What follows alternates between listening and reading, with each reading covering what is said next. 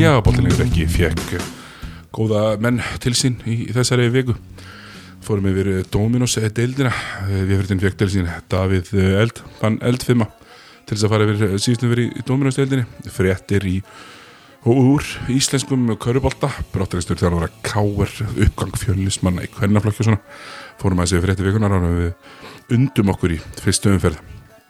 Dominos þetta Karla og horfðum síðan yfir sviðið fyrir næstu umferð í setjanleitunum mætti sakrægurinn Hörður Unstensson með okkur Davíð og við fórum yfir úslita keppnina uh, úslitin eins og þau standa.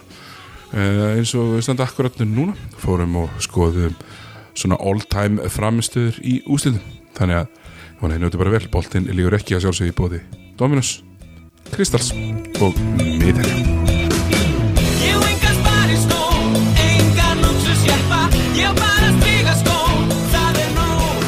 Já, verið velkomin í boltinn lígur ekki. Uh, Sjálf hef ég fréttinni með ykkur í dag og, og með mér í dag líka Davíð Eldur, blessaður. Sá eldfimi Sá eldfimmi, mætti. Sá eldfimi Hvað segir þið?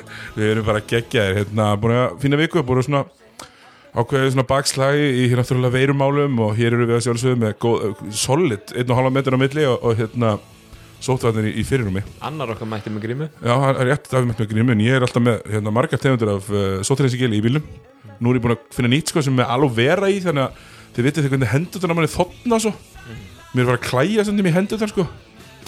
Þannig að og, og, um, svona venjulegu spritti þannig að það er lítið gott að, að kaupa með alveg vera. Ég, fer, og- ég, fer, og- ég segi ekki hvað það er selt ég, ég mixa sponsa það í næstu viku Ég kom með nýja reglur, ég kom aftur með reglurnar heima hérna, allir sem kom inn fyrir að þrjóða sér hendunar Já. kom, með hérna, einhverja fjóra gerðir að spritti svona hér og þar og þetta er, þetta er bara skell á, maður er bara spenntið fyrir þessu sko. Ég- Maður er allavega tekur, maður er allavega tekur þetta setjum maður bara undir sig hausinn og, og maður allavega tekur þetta alla leið. Já, ég held að það sé ekki spurning því annars er maður bara komin í eitthvað vesen. En uh, boltinlegur ekki að sjálfsögðu í bóði Dominos. Dominos uh, stolti styrtaræðli körunar á Íslandi og hérna búin að vera það lengi uh, á megavika um daginn það var, alltaf stilbóði góða og svo sjálfsögðu nota afsáttakóðan karvan.is fyrir, það er eiginlega hægt að segja íslensku körfubolti á þess að á þess að Nei, þú getur ekki fylgst með honum allavega að sjá Dominos. Á þess að dóminu sko. Það er alveg klart uh, Við erum að sjálfsögðu einnig í bóði Egil's uh, Kristals.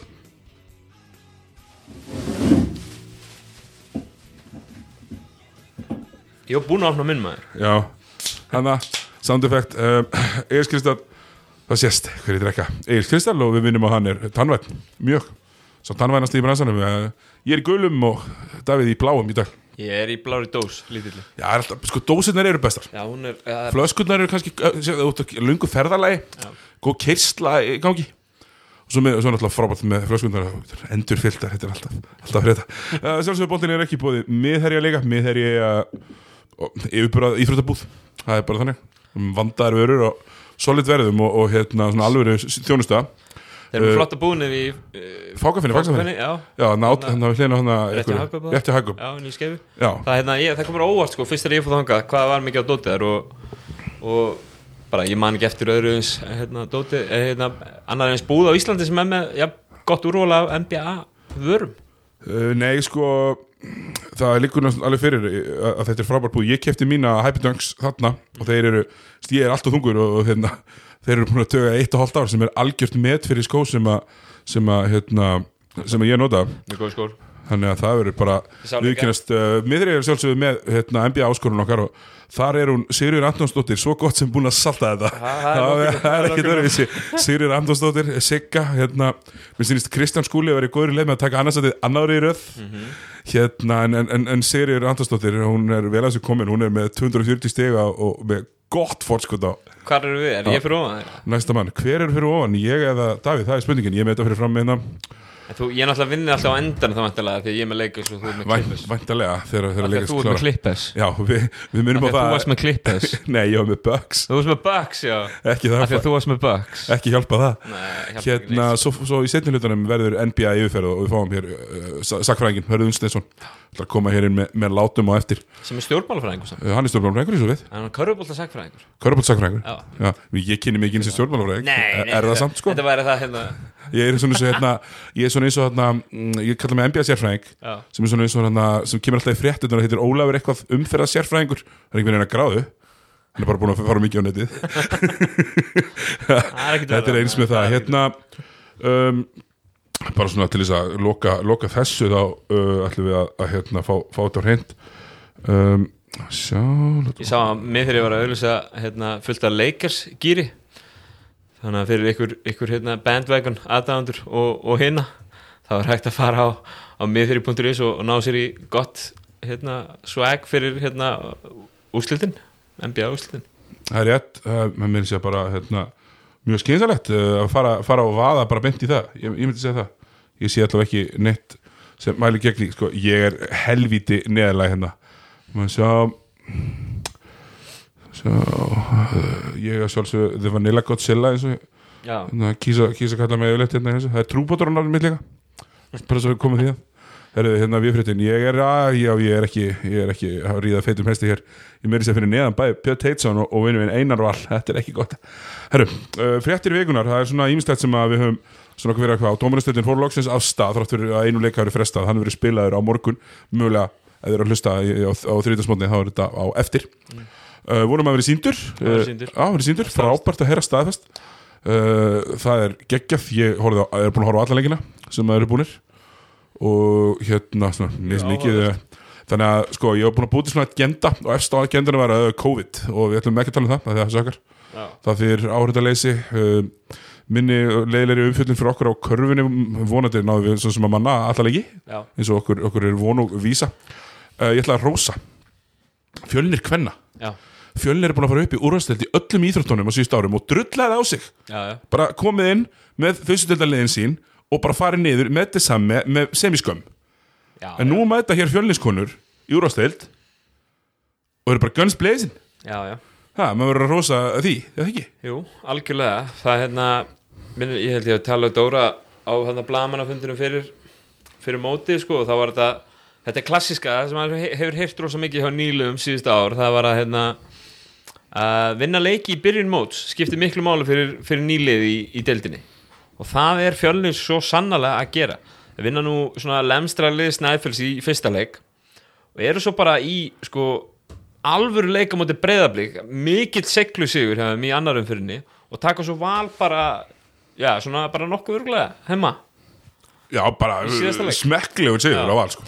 Vantar endar, sko vantar náttúrulega helinu Já, já. og Hildurbjörg er frá líka en, það, er, alveg, það er alveg sama sko. það er alveg að þetta er sama. virkilega sterkur sigur. Og af nýliðum að gera þetta er bara frábært, það er viljast vera sko nánalli í Arjónu Múrer núna fyrir tíðanbíl hvort það mittist kanni sem það er alltaf að vera með eitthvað svona. En hún er náttúrulega mannst þetta litlu sláturunum í nákvæmlega, hún gerir alla betri í kringu sig. Frábæleikmaður Já, frábær leikmar, algjörlega. Og svo virðast þér að hafa lenta á sko frábærum bossmannleikmanni líka í línu Pixjúte já, Þetta virðist þér einhvers konar stórleikmaður, já, bara svona 25-15 í þessari dild svona eins og hérna Orla og Ræli var hjá Káur eða Hessedal eða eitthvað svona skiljuru og þetta, ég meina, ef að þessar mæta bara bara, bara þessar tvær mæta semi tilbúinari leiki þá eiga þær alltaf sens á móti hvaða liðu sem er einhvern já það, er, það er eitthvað empowerment í gangi þetta, maður- það er ekkert verið að hika við að skjóta. Nei, Það er og svo erum við að sjá sko, þess að auka þess að það sem má ka- kannski kalla aukaleikara ef ég má svo orðið komast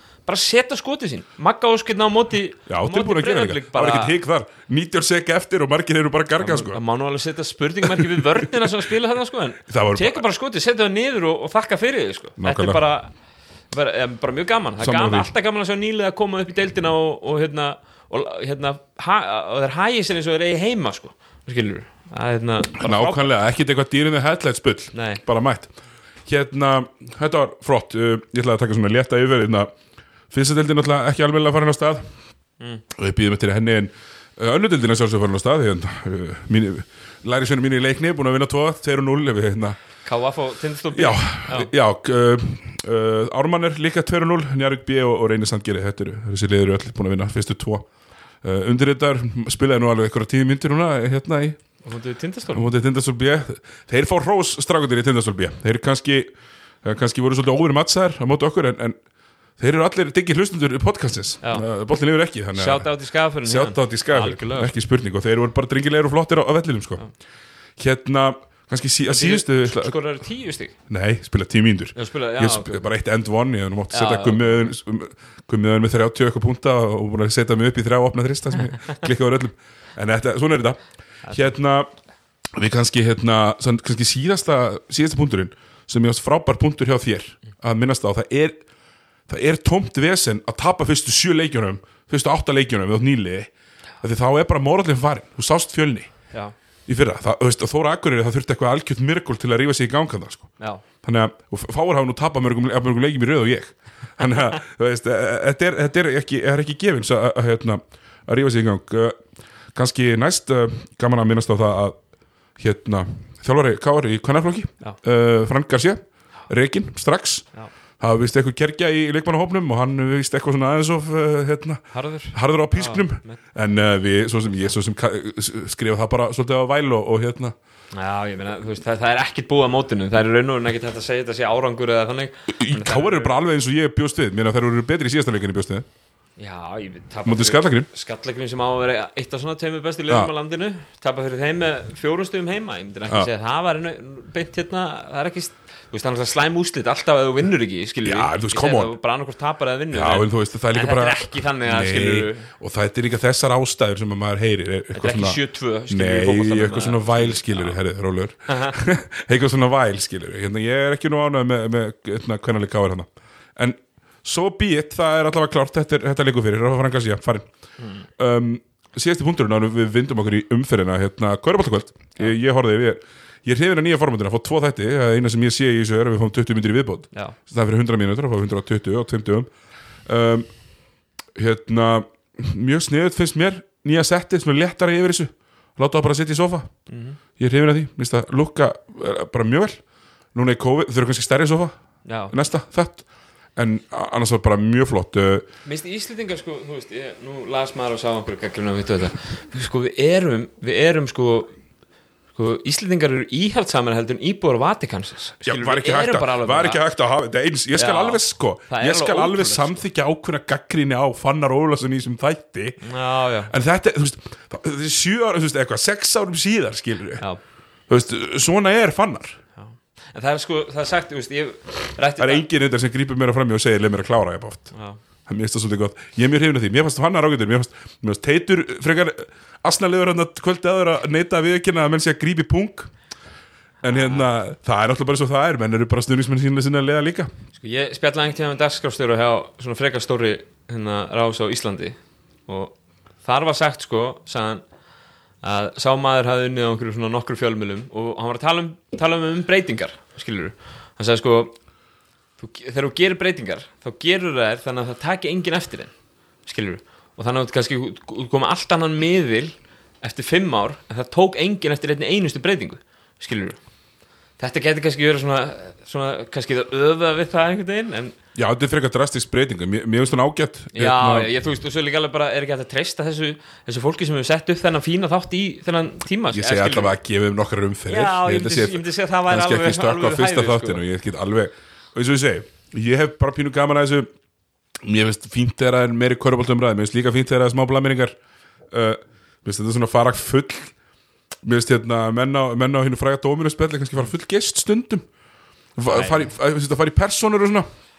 Sko, en ok, aftur. Ég elska Facebook Nei, ég er að segja aftur á veist, þú Þetta er erfiðasti staður Ég að segja, þú- sögunar á internetinu það var kannski svona kannski það sem ég var á leiðin að segja sko að þessum sem ekki tækt að, taka eitthvað almenningsálít út úr einhverju rifrildi á dóminarspjallinu Nei.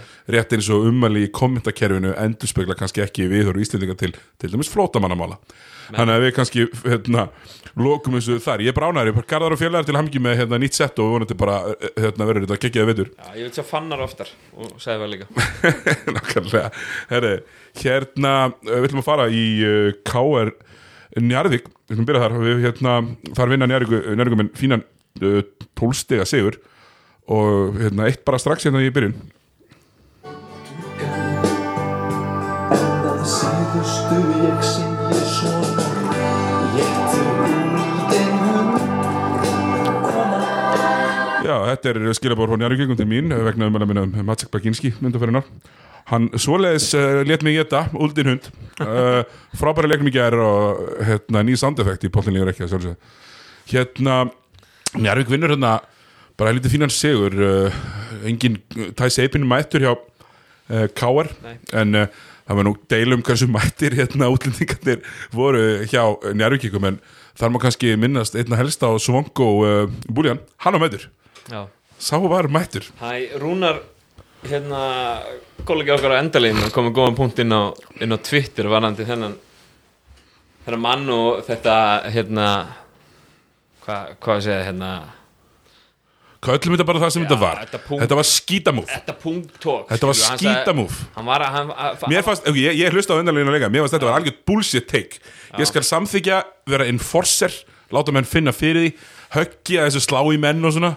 Mér veist kannski að vaða í klófið á mönnum Vera e- e- eitt, eitt, eitt, eitt svona eitt vili við striki Já, en punkturinn hans var semst að loksins er komin einhver leikmaður í, í Njarvík sem er tilbúin að vera smá enforcer og með einhverjum svona stæla og dólk. Hann endist- ég er bara 100% sammála því. Það er bara, Já, Þetta er lindlið, búið að vera. Já, kannski þurfa þetta. Þeir þurfa kannski einhvern svona sem svona líta pakki einhvern veginn. Ég meina, andlit, Svona einhverju andlit stæl liðsins og- undanfæri ná er náttúrulega búin að vera logi sem að, sem að, sem eins, frábær leikmaður og hann er er náttúrulega komin svona yfir sitt besta. Já, en brjálega Ég keppnismæður er að segja hann er brálega keppnismæður en hann er svona, svona good guy. 100% Já, og það er kannski fínt að það sé ekki bara þannig, sko. Nei, nákvæmlega. Ég get alveg tekið undir það En mér finnst, ég, ég ætla samt ekki að segja að það sé eitthvað svona gott Eitthvað svona, já, húrra fyrir því að vera að rífa í, hérna, í punga á mönnum Þú sko. náttúrulega ekki að rífa í pungin á neinum skilur En þú verður að taka því góða með því slæma sko hjá svona karakterum sko. Kannski, ég meina þess að það er kannski búin að vera í þúsund annað getur liðum að menn býða, menn taka því góða með því slæma x lengi. Svo er hann búin að klípa í ómarga punga á æfingu Þá neina menn þess ekki lengur. Kannski, já, já. Nei, en, en kannski burtið frá því, frábær leikmaður. Hann er með 25 og 11 Fiskar 6 villur, er Já, já, hérna Það sem þurftu, ég meina, hvað er langt síðan að njárvíka með svona góðan, svona allána, þú veist, hann er nóttin er ung og ég er ekki að segja það, en það er langt þeir alveg- hafa já. náð í svona góðan stóramann, þeir hafa reynda hverju einasta ári. Þetta var alveg Það framistæða reyndu Katenda í einhver tíu skipti Vein Martin í fyrra Vein Martin, þú veist, þau eru ekki, ekki gengin eitt rosa vel í það. Nei, og Atkinson er búin að koma nokkur sem reyndar verið mjög flottur fyrir það. Já, hann er Ekki að svona það. leikmaður Nei, ekki svona. Nei, hann er ekki svona, hann er örvísið, hann er góður Já. eh, En hann er ekki svona mikil, Alltaf leikmann sem þú vilt hafa í liðinu, hann er bara búin að vera og, og þetta var mjög gott áfyrirlega fyrir njárvíkingana að fá að spila að kannski á móti Svona frekar léttu káli þar sem að sko Svonko fekk svolítið að leika lausum hala og þurfti að tvöfalda, þurfti að tvöfalda og njárvíkingandi fengur svolítið að hérna, gunna fyrir utan og skjóta 40% þristum og ég held að sko kárigandir sé ekkert ósáttir með svona sinn hildarleik sko. Vantaði náttúrulega sinn aðalskorara. Mattias var þetta frábæranleik það sem ég væri til að sjá meira frá káringunum er, er fleiri skot frá svona þessum stóru póstum. Er brillið 2-5 Já. það er ekki nóg. Uh, hérna uh, Jakob Börn spila 32 mínútur og tekur 5 skot líka. Já, líka. þannig að þú færi sko úr, úr sko 55 mínútum færðu 10 skot frá þessum tveim leikmennum og ef það er alltaf að spila einhvern run og gun þá er nú eins gott að vera með gun því að veist, það er nú frekar lélegt að ætla að vera með run og gun lið engan alvöru stóramann og taka næst fæstu þristana í umfyrinni á tíu lið Já. það er bara grindvíkingar og grindvíkingar skutu bara fáum þristum af því þeir hitt aldrei úr þeim veist, hérna, þeir- en þeir að- eru með- þeir eru með- með að Þeir eru með fína þryggjastæðskiptur í liðinu sko. Já, þá er bara let it fly. Já, en Mattias var 0 af 6 Já, en hann var alltaf að komast inn í tegin Tæ Seipin á að komast inn í tegin og þá er að fá þessi opnu skot. Ég meina fyrst það voru svona semi-contested skot mikið. Mhm. en þá verður bara Jakob Börn að taka nokkur semi-contested skot sko. Ég, ég- sko, ég veit ekki, nú nú er maður spennti fyrir öllum liðunum einhvern veginn. Ég er alveg sem ég spennti fyrir þessu kálið hérna, Mjög stór hellingur í þessu káli já, og þetta er kannski kannski, ég ætlum ekki að þú veist, ekki segja það að ég hef eitthvað ekki haldið með hinum káliðinum eitthvað sérstaklega á síðustu árum þó þeir hafa verið að vinna og svona. Þetta er kannski svona fyrsta kálið í einhver tíma sem að svona hinn hlutlösi aðvili getur sagt bara, að þetta halda pínu með þeim, Ja, skilur það gæti verið svona ákveðnir fan favorites því að Já. þeir eru alltaf mjög skemmtilega svona unga stráka sem að spila uppáhaldsrákað með, þú veist, þú veist mikið af uppöldum leikum Já, ég meina Vegar fara 11 myndur Egilur Ásberg með 11 leikmenn. myndur og, og hérna Þorvaldur Orri með 14 þannig að þetta var, alveg að fá að spila Já. svo er hérna bekknum alveg sérlega ungi strákar en Almar Orri Atlasson og Alexander Knudsen Já. sem eru bara mjög ungir og mjög spennandi leikmenn vonandi fáum við að sjá það eitthvað smá á gólinu í, í vetur. Uh, aftur að njárvíkingum um, hann hérna Magic Beginski átti frábæna leik. Uh, 9 af 12 22 stig. Þetta er leikur Bara sem að mjög erum- skemmtilega gert. Og þe- þetta vill maður. Já, já, þá þýr ekki að mæti næsta leik Nei. og skora áttastig úr nýju skotum og segja já, hann var samt bara fín maður vill maður ekki samt að hann taki samt 9 pluss skot ég vil að leik. tekja 12 skot í leik. Já, easy Þa, það sem að vera verra ef, ef við segjum að komin í næsta leik klikka á, á þreim fyrstu skotunum og bakka niður skilur það, þú veist. Já, þú veist, sammála. Já. uh, Sammála, hérna Magic bara mjög góður, mér fannst hérna Lógi fýtt líka, hann var mjög fýtt og Ólafur Helgi, þetta var bara fín. Vantaði Jón, Arnur hefðum hann hefur verið að sp- spila mikið fyrir það á undirbúinnstíðanbílun allan og ég bind vonið við að hann komi nokkuð sterkur inn í þennan veitur eftir, eftir að hafa tekið stór skref á, sí, í, á síðasta tíðanbíli algjörlega, uh, Ryan Montgomery gerir ekkert fyrir mig. Nei, bara ekki neitt, uh, kannski verður hann betri en hann var allavega að gera ekkert fyrir mig í þessum leik. Fitness í Rótni Glasgow? Já, bara fín, leið um, Njárvíkingar, náttúrulega ég veit ekki hversu, hversu representativ þessi leikur er um, þannig að uh, þessu fyrsta umferð en allavega it's just one game but Magic er Magic. Já, já. Ekki verið að segja það. Hérna þessi lið svona koma bæði einn svolítið breytt. Mjög. Og, hérna svona öðruvísi öðruvísi útlendingar og uh, ég er svolítið ég er svolítið spenntur fyrir að sjá hvernig njárvíkingandir útfæra þetta. Hérna þegar allir eru með allir konur á stað, þeir eru að spila kannski á móti liðið sem veitir meiri varnarlega mótspurning til Káar gerði hérna á, á 15 Já, já 15 að, hérna, þannig að það verið mjög spennandi að sjá. Ég, ég, svo veit maður alveg að það veist, hann var, hann var þessi þetta pung grip var alltaf kærtilega nefndar við sjáum hvernig það fer. Já Þetta var samt sko dómar á svona hálf fyrir En þú veist, þetta sé samt alveg, já, ég er alveg 100%, 100 samanlega sko.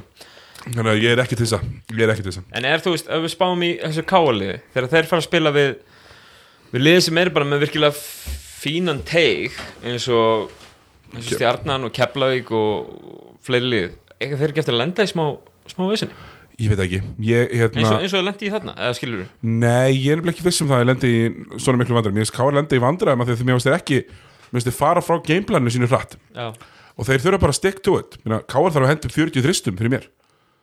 Ekki, ekki vera með næst fasta í umfyrinni Þa, þá er þetta bara að rönna gunn með litlum görum sem er ekki gunn og þá er þetta bara pointless. Já, þannig ég, neini, ég held að ég held að sko, honum Milka til þenni sem er ekkert finna skemmtilegt að þurfa alltaf að vera Ro- Robert Stumbris fyrir utan þryggja nei Það er vera það, veist, þannig að þetta er tví ekki sværi við, ég er bara spenntur fyrir að sjá hvernig káringandir hérna, finn út úr þessu. Um, svona kannski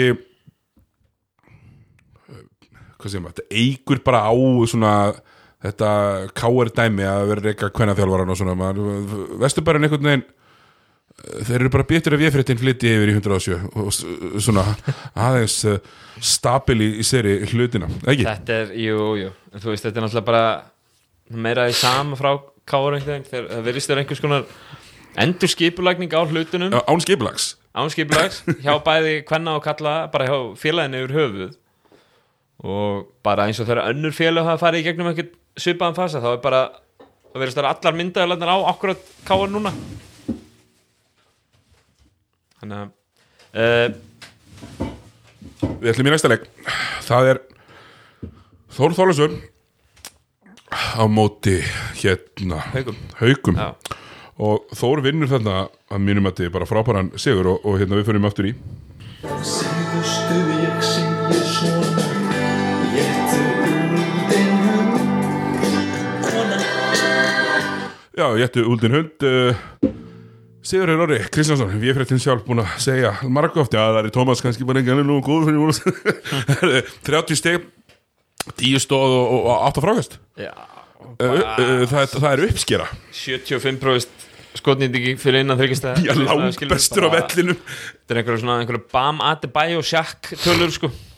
Svona þannig. Þetta var alveg það var bara því lík unun að horfa hann, hann komst það sem hann vildi, gerði það sem hann vildi uh, Hérna, ég held að Láris Jónsson, þjálfari, hafði bara hort á leikinu og bara, vá, hérna og ég er ekki með aðal bólhaldinu minn. Nei. Haldur Garðar. Haldur Garðar alltaf var í sótkví kemur til að stekkur inn núna? Já, við fáum bara leiki minna, Emil Karel ætlar að taka 11 skot, hittu fjórum, og hann kannski hittu 5-6 já, Mér fannst hann allt í læg uh, Mér fannst Styrmir frábær. Bara big uh, ups á, á Styrmir Þrastason já Mjög skemmtilegu leikmaður. Já, og svona pínum móðufokkar í honum. Já, algjörlega sko. Þú veist, svona, lætum henni aðeins vita og, Já, og svona, já, svona, hvað sem að throw his weight around, og á ennsku, þú veist, hann lætur menn alveg vita að hann sé það. Vona bara, vona hérna Vona að hann haldist heill fyrir að fyrsta Og í annan stað að hann fái tækifæri til að spila þetta 20 pluss myndir leik. Já, ég held að það sé bara tilbúin það. Já, algjörlega. Ég held að það sé bara tilbúin og hann er, þú veist, mér hann góður varnarlega, hann, maður sér hvernig hann les leikinn varnarlega, hann, ef, ef, ef, það er eitthvað skipting sem þér vilja ekki, þá er hann eldsnökkur að sjá það og skiptir frá boltanum og bara mjög svona helst eftir einhvern veginn köruboltamæður sem við erum að fá hérna í, í, í, í Í Þorlákshöfn. Þeir eru, áttu náttúrulega fínar mínútur í, hérna, í fyrstöldinni fyrra líka með Hamri með Hamri og Já. bara svona einhvern veginn búin að svona er að bæta einhvern veginn ofan á það. Með 30 stíð, þú veist, ég er að horfa statins 30 stíð átján skotum Larry Thomas. Það er uh, skilvikni það verður að segja þess að er. Það ekki? Jú, uh, Ragnar Rútt Bragason uh, ákvaða að koma með svona punktin yfir í tróslu já, var mjög ánæði með það. Uh, hann er skeggjaður. Hann er hel, helviti gísið skegg en gott samt. Ég, hérna, Ragnar fær bara mjög gott uh, mjög, bara mjög stert kútos fyrir þetta hann, bara, það var pínu kveikt, á öllum þessum gæjum sem við vitum að eru fínir hjá Þóri í þessum síðasta í þessum haugaleik sko. Að þú veist, við vitum alveg að Ragnar getur skorað þú veist, Emil Karel og, og hérna, við vitum alveg að Styrmir er góður líka, skilur að hérna Lárus virðist bara einhvern veginn vera, þú veist sá mann gerði með Þóra Akureyri á síðasta tímabili. Nær hann að fá bara einhvern veginn allt út úr liðinu sínu og, það tók bara lengri tíma þar. Já. þetta bara leikur eitt. Já, en sem er kannski færir okkur í það. Djúð fannst mér haugandi líleir varnarlega. Kári var flottur í sókn og Hansel var flottur í sókn. Mér fannst þér þá voru þessu keilur hann í sumum playerum sko. já, það var, e, voru sætaferðir upp á körunni. Austin Bracey 25 mínútur, eitt frákast. 0 stóðsendingar, bara classic Austin Bracey samt 4-5 í þristum, bara plus skiluru já, en uh, hann var ekki einu sinni í fyrirmönnum. Uh, Hansel ekki heldur og, og, og, og hérna Kári ekki heldur. Það var smá fæti í, í Hilmari Pétursinni en hann, hann samt náði ekki að setja eitthvað svona stort mark á leikin og uh, Ósa Jandi hérna, hann fannst mér ekki góður. Nei, hann var ekki góður. Hann fannst mér bara, ekki, bara alls ekki góður. 12 stið 8 frákvist á 20 pluss myndum 23 ár já og var ekki að passa ringin nei, var, uh, haugandi voru bara lélegir fannst mér, ég, Kári þetta var svona lifðu pínu á líina því Kári er það góður. Og, og, og var að skora svolítið að vild sko. Og setur kannski ekki nóg mikið hann hefði mátt setja fjögur af tíu í þessum tristum en ekki tvö. Sko Kári og Hansel Atensia eru, við vorum að kvarti við varnalaga hérna rétt á hann en þeir eru, þeir eru ansi þeir eru alveg sóknum en bara góðu kalibri í þessari del sko. Ekki spurning og um, hérna, þú veist og þeir búa til alls konar matchup við sem fyrir liðin sem eru að spila á móti skilur já, algjörlega, algjörlega. Uh, það er kannski ágefni á haugunum. En er ekki bara haugarnir skilur svona að þegar við vorum að tala um þá varnalega mistu þeir ekki bara alveg ógeðslega mikið í að missa hjálmar varnalega jú, við jú, talaðum um hérna empty start leikina hans og eitthvað svona átti, double single. já, en þú veist það er auðvitað alveg rétt, hann gerði já, mikið fyrir að fa- og, og. Haugur Óskarsson kannski ekkit besti einn á einn varnarmaðurinn en hann hleypur allar, allir réttu rotationin og hann er veist, um mætir og challenge skot og það, ég er á 100% saman það er, það er mjög gott sjátt, það er fæti- missir, það er 100% kannski teku það bara þú veist, sko Já, því að Breki, Gilvason er ekki þessi varnarmaður sko. Haugarnir eru svona pínulítið eins og stopnun skilur Já. það reyfist ekkert mjög hratt hjá þeim leikmennu sko. þeir eru bara með sína uppöldi leikmenn og spila þeim þeir eru já, 25 ára, allavega 30 ára eitthvað svo leiðis en er þá ekki skilur þú veist, þurfa er ekki kannski bara nokkuð leiki fleiri heldur en aðrir til þess að Jú, minna kannski, það minna en svo minna segðu svo að Kári, Kári fari þá er þetta bara fallbárata já, Mér- Ég held að það sé klárt. Ég sé bara ekkert annað en, en, en hérna, ég á erfi jú, jú, ég, jú, jú, kannski ég veit það ekki. Nefnum með að séu eldsnöggir að finna sér eitthvað góðan já. í staðin og þá er kannski með, með öruvísi típu það, það sem að þessi ákvörðin hérna Körukvæðansreifingalinn á Íslandi að loksins fara að taka þátt í fjórfælsunu hérna og Já. leifa, gerir það að verkum að ef að Kári fer, þá er bara komin annar bossmann fyrir peningin inn í liði Ég var held ánað með að ég sá hérna, ég var á, á Twitter uh, ESA, eftir þessum nefta var að followa mig á Twitter. Já, mér rest Af því það er einmitt stofnunin sem að KKI voru kerið keri til já, já.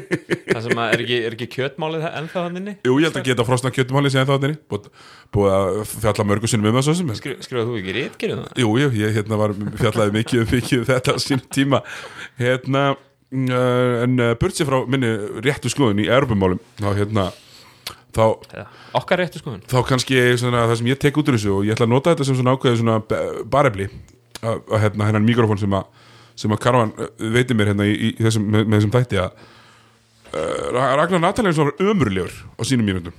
Hann þarf að rífa sig í gang.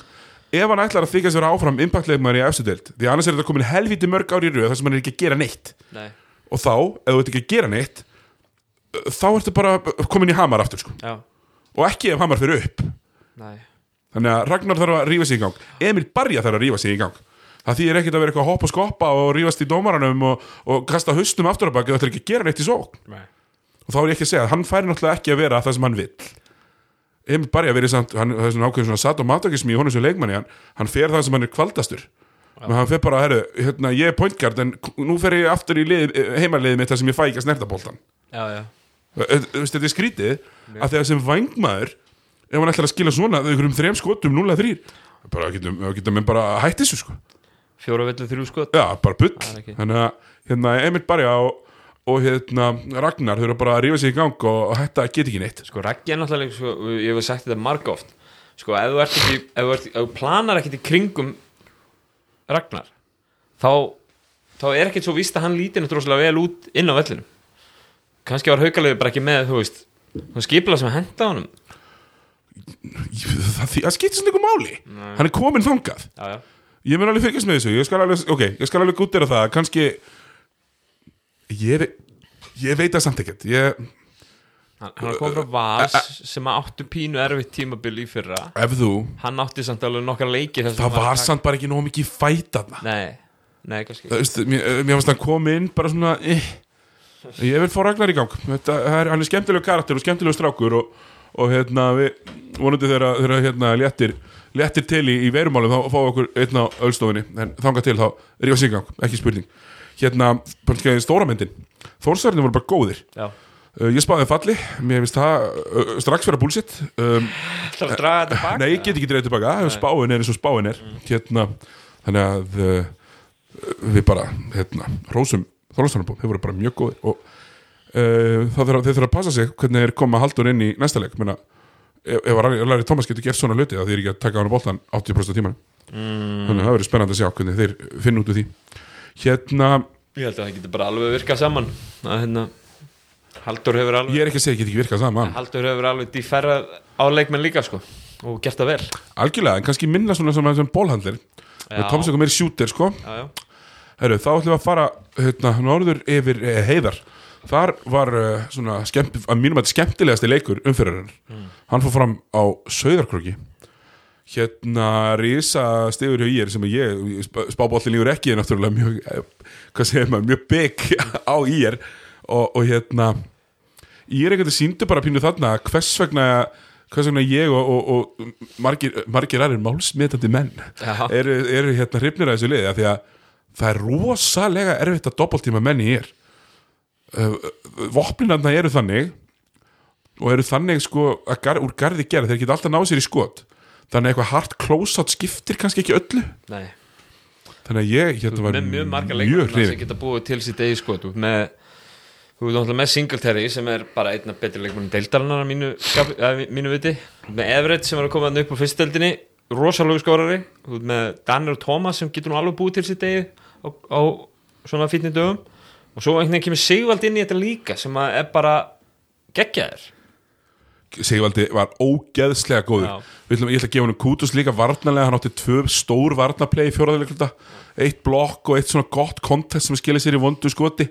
Um, Ég held sko Sigvaldi, hann er langur. Það er alveg lengdi í þessum strák. Já, 100, 100%. og, og hann, hann er með svona ákveðna sóknar hæfileika sem fáir, hann, hann getur farið í hennan í hennan stepback, stórt stepback með vinstrifættinum út og farið í svona þetta klassiska hægri handar hérna, stepback sem heitir vinstri skot. En vá hvað er flott. Það er ekki eins og að hann sé eitthvað kasta boltanum. Þetta er ekkert smá mjúkt. Sama með Evan Singletary. Og umræðan hefur kannski verið kannski tengst svolítið því að, að veist, Íringandir get ekki eh, einhvern veginn gert ráð fyrir að fá 23 stig frá Colin Pryor í hvernig leik ok, fæn, en ég er ekkert sem er fáið 6 að 13 og 16 stig frá Evan Singletary. Það er alveg 20 það er alveg 10 stig þarna sem eru 30, það er 30 stjárna Þetta er viðbót og menn voru að tala um að hérna, mögulega verið Sigvaldi kannski ekki að fara að skila 20 ég held að það sé bara alveg að fara að skila 20 stundum hann er 10 frákvöst líka. Eh, ef að, Þetta er náttúrulega ef að Larry Thomas hefði ekki verið leikmaður vikunum hjá okkur á konunni það hefði verið Sigvaldi. Sennilega. Já, það var algjörlega málega sko að hérna, það var umræðan var Sigvaldi eða, eða hann ég meina, Everett Richardson er 4 13 með 16 stig, það, mér finnst bara algjört bullshit að tala eins og íringandir hafi verið að, að hérna, hvað, firing on all cylinders eins og maður segir, það bara var ekki þannig. Uh, Sigvaldi, við, náttúrulega sko, við sem að höfum fylgst með eitthvað með yngri landsliðum Íslands munum eftir Sigvaldi á hérna, 16 ára leiðinu sérstaklega Já, og okkur svona og- byggarústæðilegjum sko, þar sem hann hefur sko í næstu hvert einast skipti bara komið inn í leikin hefur bara ekki skipt máli hver annar var nú veist, leik eftir leik hérna í undir 16 að spila mæti bestu leikmönnum hinn á Norðurlandana skorandi 40 stíð leik. Skilur, þetta er náttúrulega, og nú er hann tvítur búin að vera tvö ár úti að efa með ACB-liði þetta er ekki, þú veist, þetta er ekki að koma beint mikið á óvart en það er ógeðslega gaman að sjá það. Skilur, að hérna, hann kom inn með þessum krafti í, í dóminustöldina og vonandi verður hann bara hérna, í 1-2 ár og, og fæst síðan bara eitthvað og við æfintýrana aftur sko. Ég, maður bara komið þangað sko. Já, meina, ef, ef, hann, ef hann heldur áfram að gefa sitt svona í varnar, varnaríkin líka Já. þá er engin ástæð fyrir að vera einna lengur heldur í nýtt árið viðbót sko.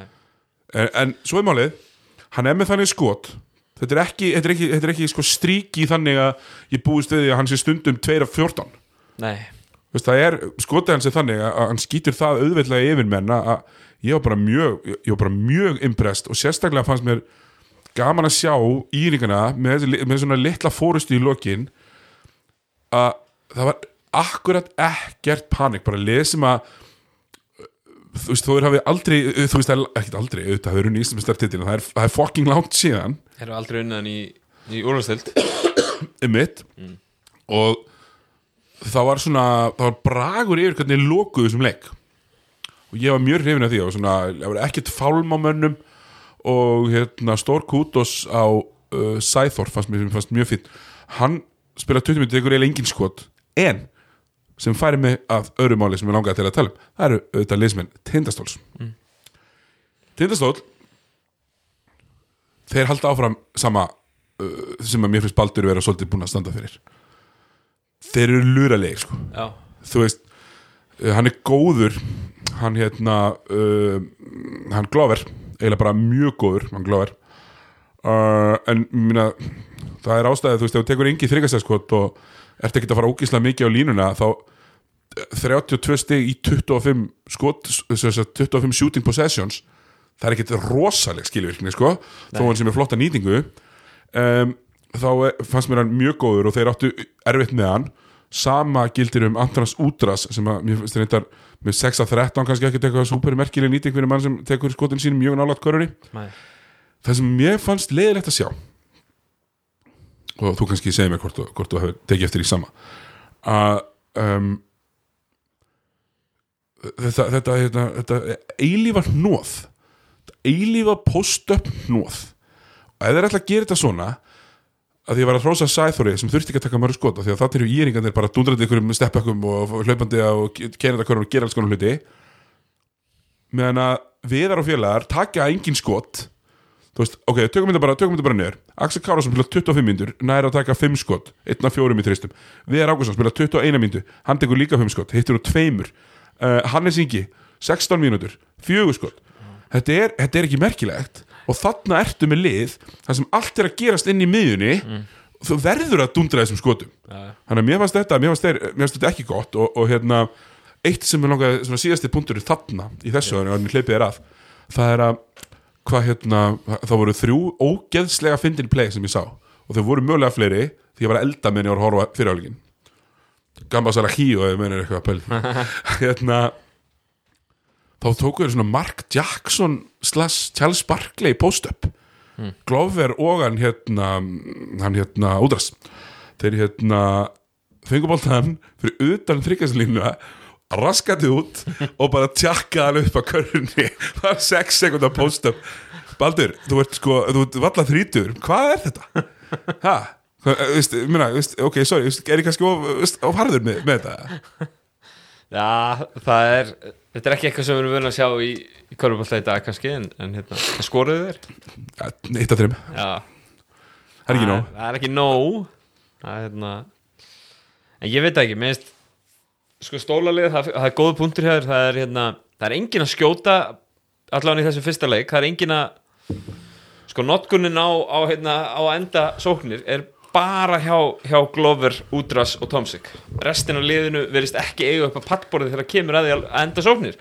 Uh, þeir, taka 28 þryggjastæðaskot Hittar fjórum að Það er skelfilegt. Já, það eru solid 14% Það eru solid 14% Það er eitthvað sem ég myndi treysta mig til að gera. Það er PG-13 nýting. Já.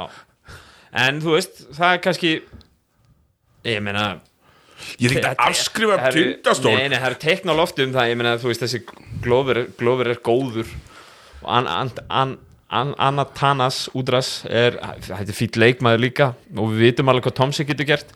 Þetta er svolítið spurningin um Íslenska kjarnaðera og, og hvernig hann ætlar að koma inn í þetta. Það ger ekki neitt. Nei, en ég meina kannski spurningin um að skera ekki undan þeim áður en að fara inn á völlin eins og að bekka Péturúnar Já, í fyrsta leik herri, sko. Þú veit ekki hvað hérna Við getum bara við haft það á hreinu að það er einn leikmaður í þessu liði sem kemst fram hjá fyrsta manni og það er Pétur Rúnar Birgisson. Engin annar í þessu liði kemst fram hjá sínum manni og hann byrjar á bekknum Tindastóll, það er eitthvað tíu steg á bekknum á móti næstu 30 hjá IR tíu steg Pétur Rúnar er með 5 af þessum, hérna, 5 steg 29 mínútur á bekknum. Ef að þetta á að vera þannig eins og við þekkjum er pínu erfitt skiptir engu máli. Ja, þú þú, veist, þú átt að vera næst eða þriða besta eða besta liði deildinni þá lætur ekki íringan að mæta og þú tekur besta íslenska leikmanniðin og setur hann á bekk Nei, nei, það er einmitt, það er málið sko. Bara come on Baldur, því líkt bull. Og ef þetta á að vera þannig, sorry Baldur, ef þetta á að vera þannig sorry David, ef þetta á að vera þannig að eins og við þekkjum svo sem er sjöttumenn þeir eru að koma inn bara guns blazing skiluru þeir byrja ekki inn á, eða þá að koma inn á og vera bara svolítið svona, oh, Já, já, já. setja á leikin og kveikja, þú veist, og lætur sjöttamennir svolítið kveiki í þessu, Pétur hún að koma inn á og bara, eh, Ellega, hann er ekkert vanað þessu. Ég skil ekki eitthvað að búlsið þetta var eða ætlar að spila hún síðan hálftíma. Alveg gjörsanlega út og kort og Axel Kárasson sem að, let's face it, ef hann á að standa fyrir utan og taka þrista mér að hvað hver er tilgangur með Axel Kárasson sko.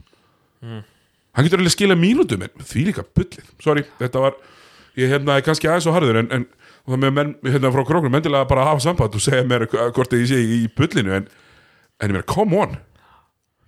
Ég bara, ég skil ekki hvernig þú getur tækið Pétur Rúnar, enn og aftur eina mannin í liðinu sem kemst fram hjá manninu sín menn Nick Thompson er geggjaður. Hann tekur svona skotið sín yfir menn alltaf, Já. hann er ekki að lappa hann er ekki að og beika hann tekur þetta, hann, þess vegna er hann með þetta háa fallega skot.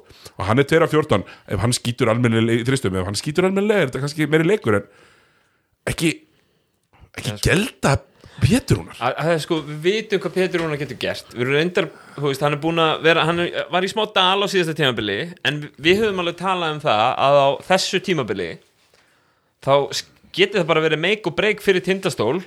Hvort þeir eru fínklið Eða hvort þeir eru mjög gott lið. Hvernig Pétur Rúnar kemur inn í þetta?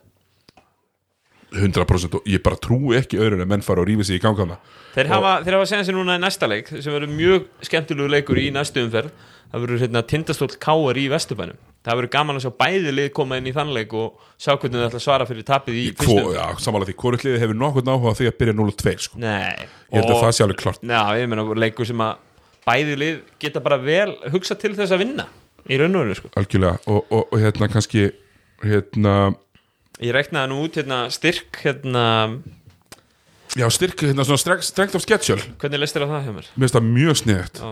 mér finnst það mjög sniðut uh, ég var búin að kalla eftir uh, já, segð mér, hvað hérna hvað, hvernig voru við þar? Uh, það var sko Grindavík sem var með langsamlega hérna léttasta fyrstu fjóraða allavega Já, langléttasta tókstu ekki fyrstu fjóraða? Ég tók fyrstu fjóra af því að mér fannst það svona, svona meika mestan sensin sko hérna, styrku skipulags það var Grindavík var með sko ég bara fáránlega létt program með að við gengum út frá spá þegar stíðin voru reiknu og það er sem sagt Grindavík byrjaði að hetti tekur svo Þór Akureyri heima svo er það bara Þór í Þorlásöfn og svo haukar. Og þetta er léttasta programmið uh, Tindastóll er einhverstaðar í miðjunni Ká er einhverstaðar líka. En sko langsamlega erfiðustu prógrumin fyrstu fjóruleikina eru hjá Þór Þórlasöf, Þór Akureyri og svo Valur með lang erfiðasta prógramið, fyrstu fjóruleikina, þeir byrja sko á, þú veist, fyrsti leikur náttúrulega stjarnar sem þeir töpuðu heima, svo fara þær upp í hérna, breiðholt að spila við Ír í hellinum fá svo Káur heim. Já, og fá svo tindastól úti. Nákvæmlega. Þannig að sko Valur getur bara vel farið einn af fjórum gegnum fyrstu fjórum umfyrirna sko. Nákvæmlega, þetta, er- þetta er mjög merkilegt og svo náttúrulega, já, þú veist, sketsjulið sko, eins og við vitum sketsjulið jafnast ekkit endilega alveg út. Það skiptir alveg máli í hvað röðu le leikir fara.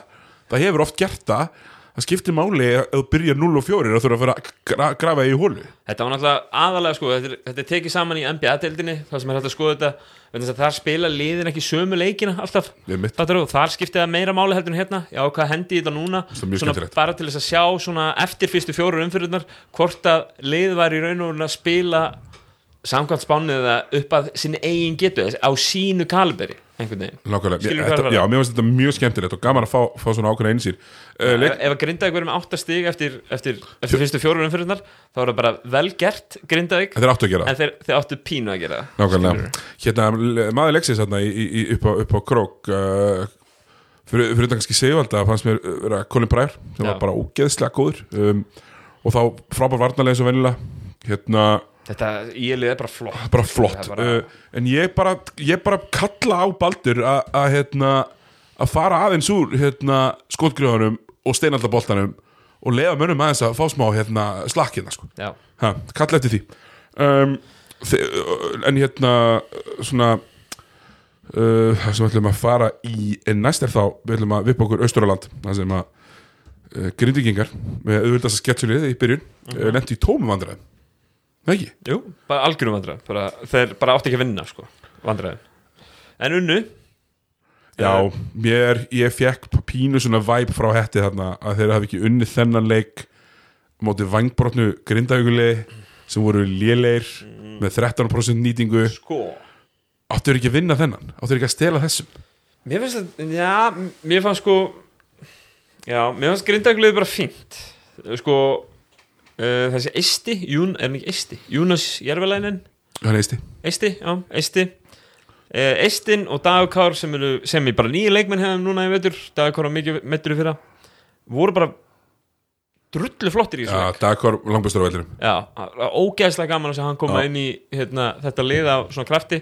Ógeðslega gaman að, að, hérna, að hann fekk öll þessi skot hann fekk að vera með boltan, hann fekk að taka ákvarðunum þegar, leikur hann undir og, og fleira sko, og þetta er hans staður maður, það er virkilega gaman að fylgjast með honum spila körubolta þegar hann er, er heill og bara, það getur verið geggjað fyrir grinda að fá hann tilbaka. Já, og hérna, þetta er náttúrulega við höfum náttúrulega talað um það, það er ansi margir sem vilja taka ansi mikið af skotum sko.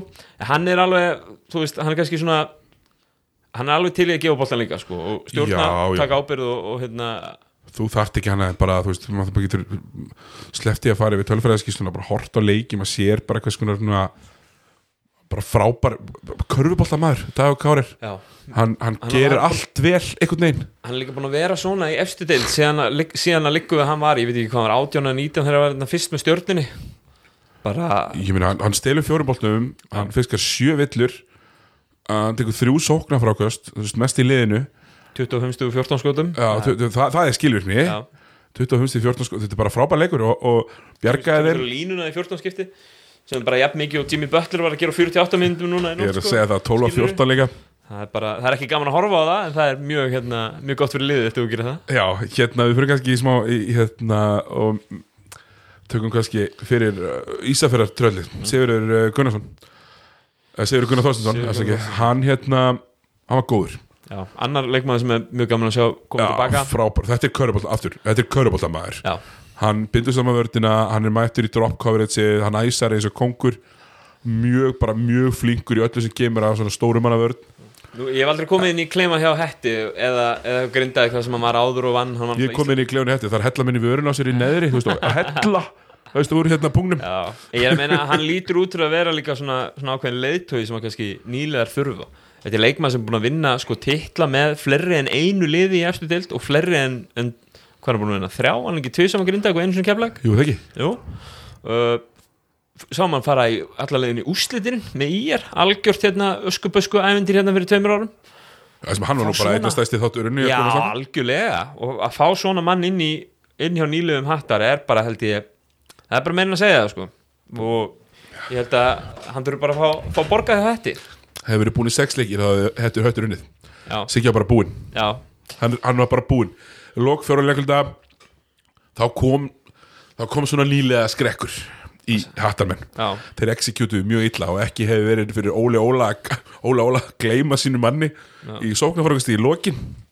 Þá hefði Grindag bara unnið hennan leik átrætt eftir að Erik Weiss sem að mínu viti var bara mjög flottur pínu þreyttur en ég held að hann hefði verið að fara tværa æfingar sko.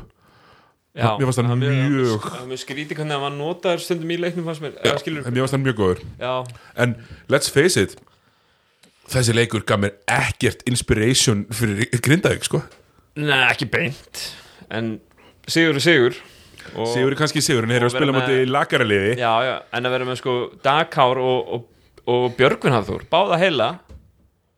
Eh, Björgun Hafþór, Já, litur ykkur leikmaður vikunar heldur betur. Heldur betur, djúvillina skemmtilegur. Þið heyrðuð introðið af þættinum, það var eitthvað úr borgarnesi Já, nákvæmlega, við tengjum það. Björgun Hafþór var ógeðslega skemmtilegur. Já. og sá þessi tróðsla sem hann tekur og hann er sko flatur í loftinu í einn og hálfa meter sko, Já.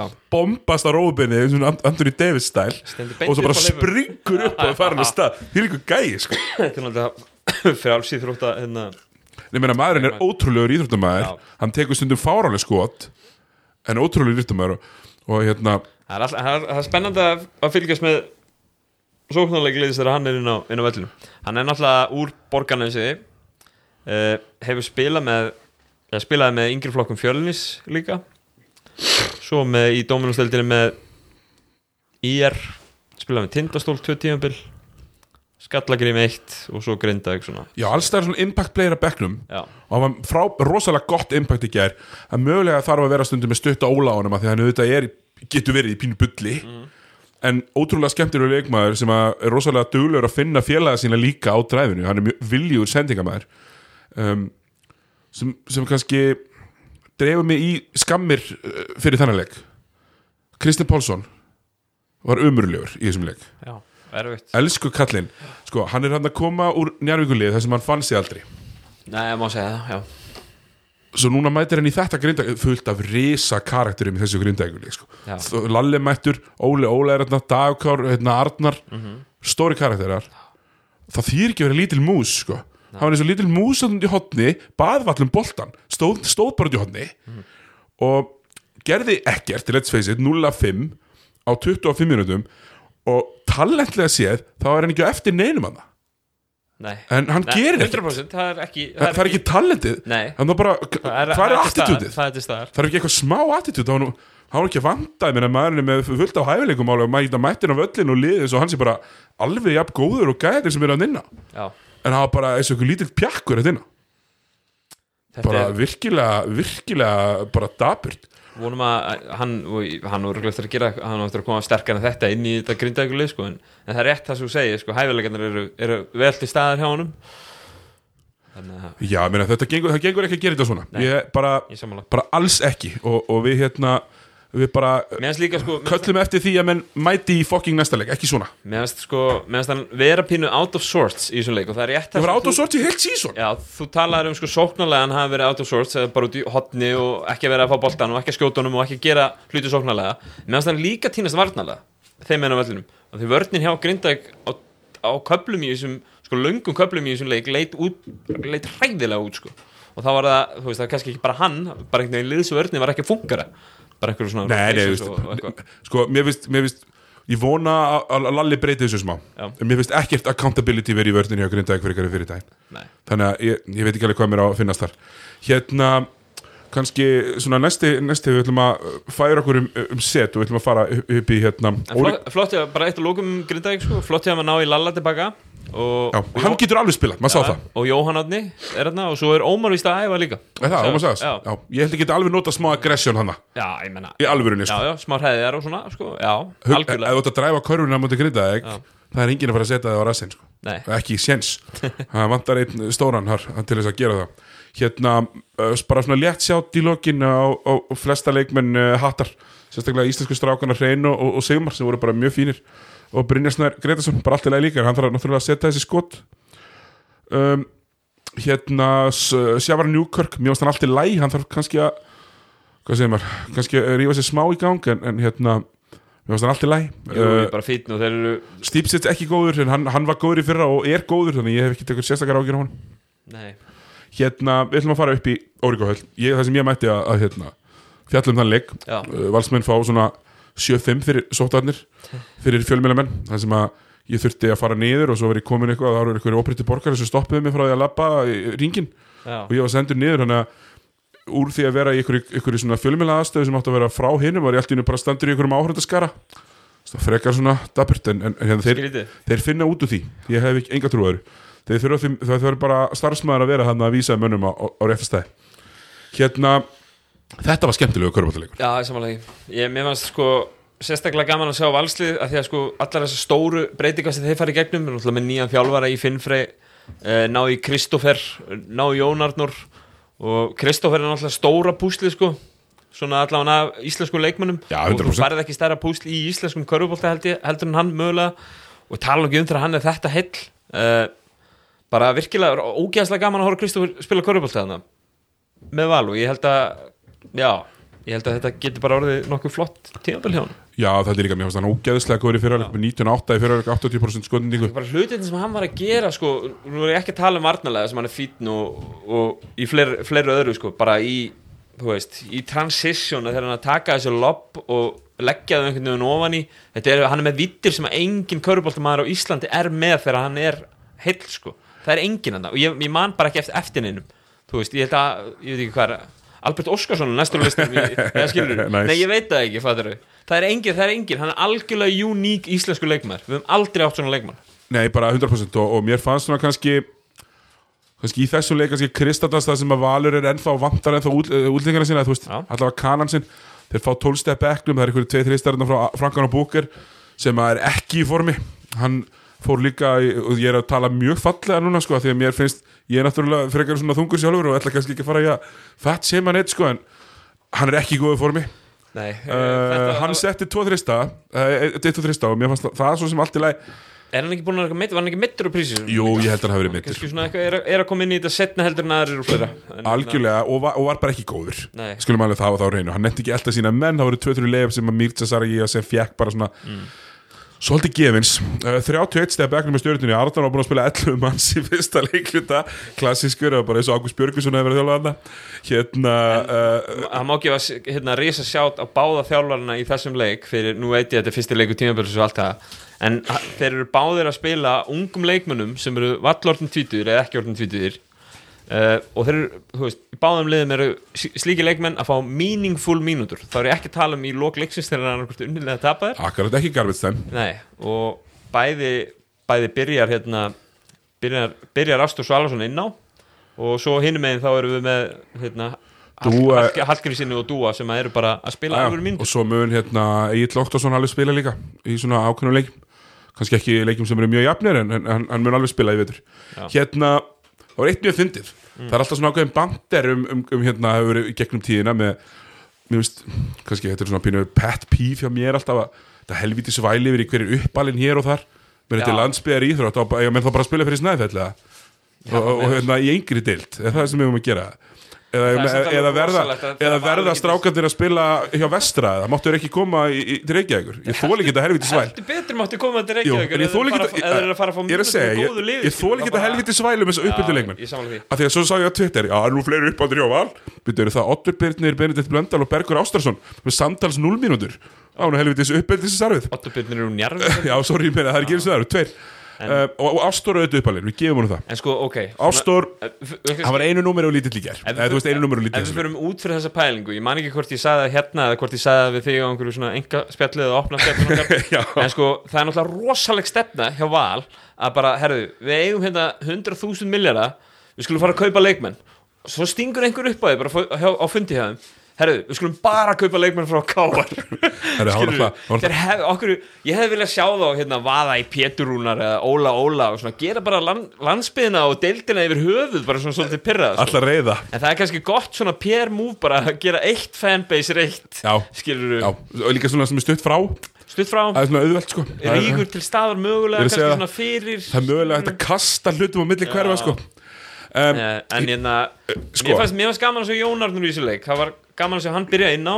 Hann var látin hafa sko, það, sem að, það sem að mér hefur þótt Jón Arnur gera virkilega við, alltaf þetta benda á hérna, hann hefur kannski mikið, mikið frá í fyrra er kannski ekki að skora lengur 20-25 stíð í leik er ekki að taka öll lokaskotin fyrir sitt lið og eitthvað svona. En í hverju er hann góður? Hann er virkilega góður on-ball hérna, varnamaður hann byrjar inn á vellinum með hérna, blóðsprungin augu að dekka besta leikmanni á heinu liðinu og ég bara verður bara að taka hattin ofan fyrir þessu sko. Þetta er, þarna viljum við sjá okkar mann hérna, kannski, svona síðasti punkturinn af svona, ekki síðasti punkturinn, eitt punktur af, af leikskíslunni, þá nælir Snjóri Björnsson sér í, í svo kallan Mario uh, spila undir einni mínútu okay. það, er, það, er, það heitir eftir Mario West fyrir leikmanni Atlanta Hawks sem að unsurprisingly leiti deildina í Marios fjögur ári röð hann náði einhverjum 50 Marios á einu tímabili sem spilaði 50 leikjum minn en eina myndu en snjólfurinn í þess að bæturum betur að segja sér í Super Mario að spila minn en 10 sekundur hann kemur inn á 7 sekundur hérna í lok uh, fyrirlegs. En ég held að snjólfur, snjólfur er minn maður sko, og hólumennum og mjög góðu vinnu minn stóribróðarnas Er hann þetta ekki, er ekki bara flottur félagsmaður líka? Stólur er bara geggjæður og hann er að- hann sé ennþá að mæta á allar æfingar og ennþá að æfa körubolta eftir hérna 100 ára meðslum þráttur að vera sko 25 ára bara kútos fyrir allan peningin Ættu við kannski í vetur að taka saman Mario hana ég ætla að gera, ég skal og gera veita hérna, við skulum kalla hérna, Super Mario velun það verða hérna Udonis Haslem velun hérna, bolt, boltin lífur ekki ég elska það, ég elska það. Hérna þetta var sennilega svona slappasti leikur sem ég sé Hlind Bæriksson spila í svolítinn tíma.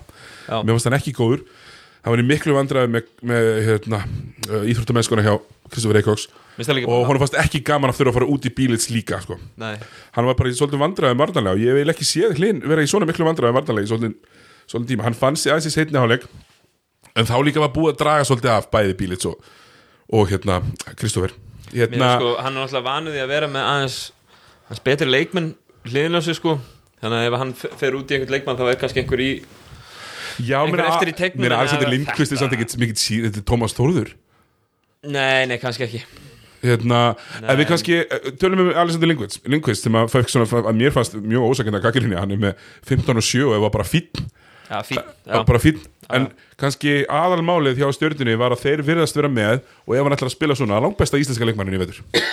Ægir Þór Steinarsson var sko lang bestur á vellinum. Það var ekki close, það var enginn sem átti sjens og ef hann ætlar að taka ef hann ætlar að taka sko átt að þrista segjum svo hann hitti bara á þremur þá ertu bara komið með gæja sem á að rúla dildina sko. Já, já. að veist, það Hann var, hann var besti leikmann á síðast tjómbili hann var lang bestur á vellinum í þessum leik og Kristoffer var bestur í fyrirháleik fannst mér.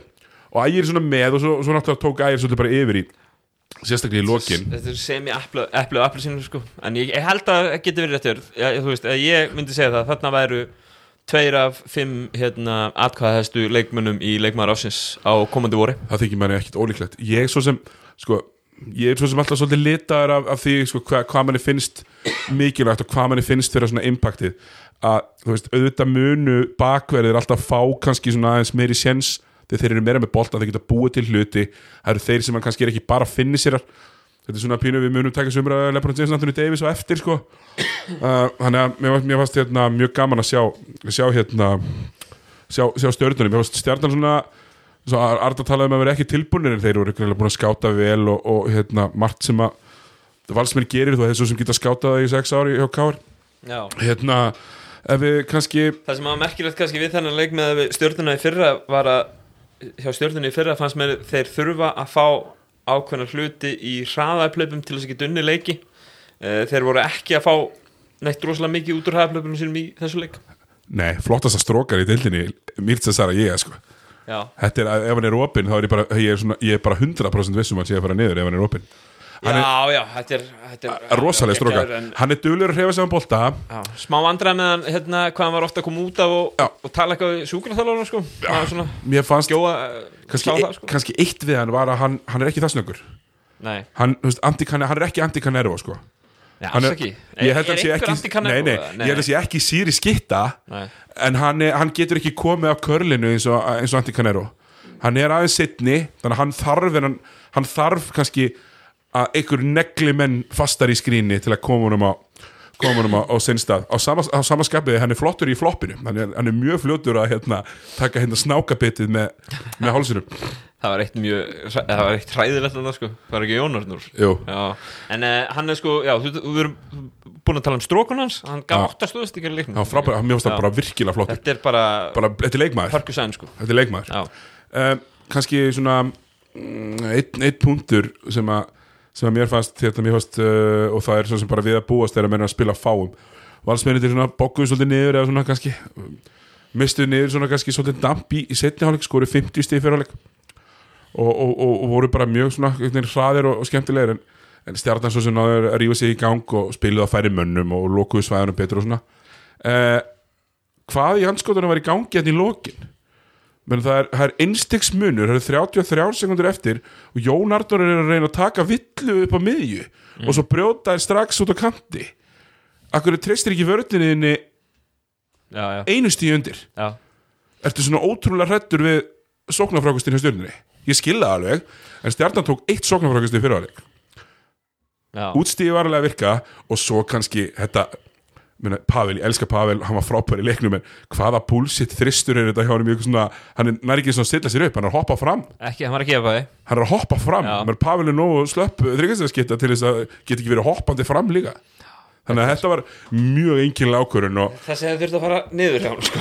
Já, hann þurfti að vera enda þú, ef, ef Pavel ætlar að taka þetta skot Já. þá verður þetta bara að vera walk up sko.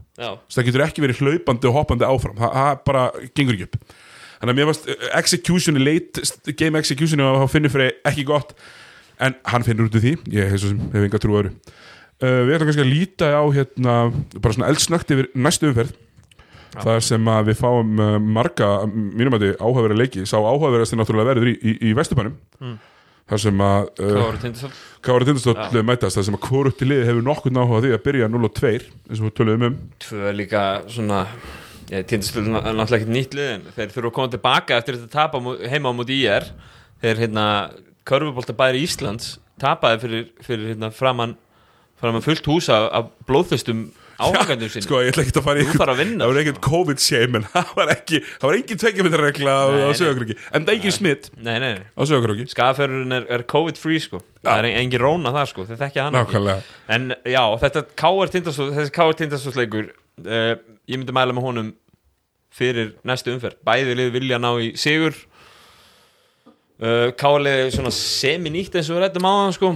Ertu með ykkur odds á þetta? Erum við, erum við komið með ykkur línur Nei, eða? það er ekki komið sko. Enga línur? Nei, Já, við ætlum að reyna að boltin yfir ekki reyna að fara yfir svona spón við ætlum að reyna að vera með smá svona veðmála hotn og þá verður það kannski mögulega bara skeitt við þáttin tekið upp ykkur kannski tímíndur sem við reynum að, reynum að fara yfir. Við ætlum samt að fá Davíð eh, til að spá fyrir um þessa umfyrir við byrjum kannski bara á síðasta leik þessar umfyrir sem fram að morgun þóra ykkur í keflæk uh, við erum komið línu á þannleik Já, það er uh, stöðlun á Þóra Akureyri er 5,6 og stöðlun á Keflæk er 1,11 hvað erum við, erum með eitthvað spredd? ef- ef myndi leggja miljón undir Ha, þá myndi ég fá 110 110 skall. Einmitt. Eitthvað, er eitthvað spredd, er eitthvað pluss mínus þetta? það er pluss minus 15 Já, ok. Það er ekkert annað. ég veit ekki alveg, þú veist 15 er kannski svolítið mikið, sko, í fyrsta leik. já. Andy, Andy Johnston hittir sína fyrrum læri sveina Já, e- var eitthvað þetta hjá honum það? ha, var einhver? Já. Var ekki þröstur var hann Jú, þröstur, kannski, ok, er eitthvað sem er að spila að hörður, hörður það- Já, allavega eitthvað, það lítur að Já. vera. Það lítur að komið. Jú, jú, jú, þetta, hérna, en ég, já, ég meira kemla ekki bara, held ég að fara að vinna þennan leik Já. að við, hérna Keflaði guðinu þennan. Uh, Í er valur klukkan 18.30 Já, Þetta er nú svolítið sexy leikur með leilu leiktími fyrir sexy leik Hver hérna, við fáum hann að íringa sem koma fullir sjálfsturust og valsmenn sem voru bara fínir á móti já. Þetta, hérna? þetta eru fyrir mér er þetta mjög ímjöli mettst lið. Ég ætla að segja að Valur sé með smá blóð á tönnunum eftir síðasta leik og taki í er í þessum leik. All right, uh, Keflæk Þór Þorlagsöp mm, Þú tala bara Þór. Já, Keflæk Þór, sorry. Uh, Þórsarar geggjaðir á móti haugum fá framlega frá, frá mikið af leikmönnum og, og hérna uh, ég, það er mjög erfitt að ráða í þetta þegar maður er ekki búin að sé að kepla eitthvað liði en ég ætla svona bara svona samkvæmt það sem að, maður veit með við leikmannahópana að kepla eitthvað vinni þennan leik. Keflæk guðinu Þennan, uh, uh, þá hverju við í Grindavík uh, Þór Akureyri? Búm Grindavíkingarnir léleir í leik 1 með auðvildasta sketsjölið Ég er fyrstu ba- fjóra leikina. Ég bæði og sammála því. Ok, Dagkar var góður, Grindavík var lélegir. og, Og Björgvin Háður. Eistin var góður líka. Æ, mér fannst hann fín, mér fannst hann ekki góður góður. 2015 bara svo solid bossmann skilur hann, samt, já, gera hluti skilur hann fer ekki inn í tegi setna áleik og Nei. hann finnst að hann er þreytur í setna áleik já, já. Það er hérna og nú er ég almennt ekki talsmaður þess að menn sé að fara alltaf mikið inn í teg sko. Bara svo höfum við það alveg að reyna hvað heit hann hann að hann ekki hollendingu Kuipers. Jordi Kuipers. Sem að var bara með virkilega, virkilega köruboltilega vaksin en vildi ekki sjá það helst. Ef hann hefði ekki að velja þá hefði hann aldrei farið inn- fyrir þryggastæðalínuna allt helvits tímabili, var ekki fyrra bara jú, Það var jú, rosalegt. það hitti fyrra. Veist, og Það- þegar hann bakkaði niður og var hann í teig þá tók hann frákustu eitthvað, en nei hann vildi vera að taka þryggjastæðaskot með restina af liðinu ekki já, sérst sko kannski erfitt í liði sem allir ætla að taka þryggja segja sko. Já, svo, ég er að segja það, mjög erfitt en- ég já, alveg að ok. stóra meðurinn til mín geti líka gert oft sko. Ég, ég held að grinda ekki vinna hennileg ég ætla ekki- ekki að koma neina heita tökku ég ætla að vera með uppsett Þóra Akureyri kemur og, og vinnur í Grindag Mér finnst hérna, mér finnst Grindag bara ekki samverðandi ég, er bara, já, ég áhyggjur að uh, Káir Tindastól, Já. Uh, Erfitt að ráða í þetta. Ég mm,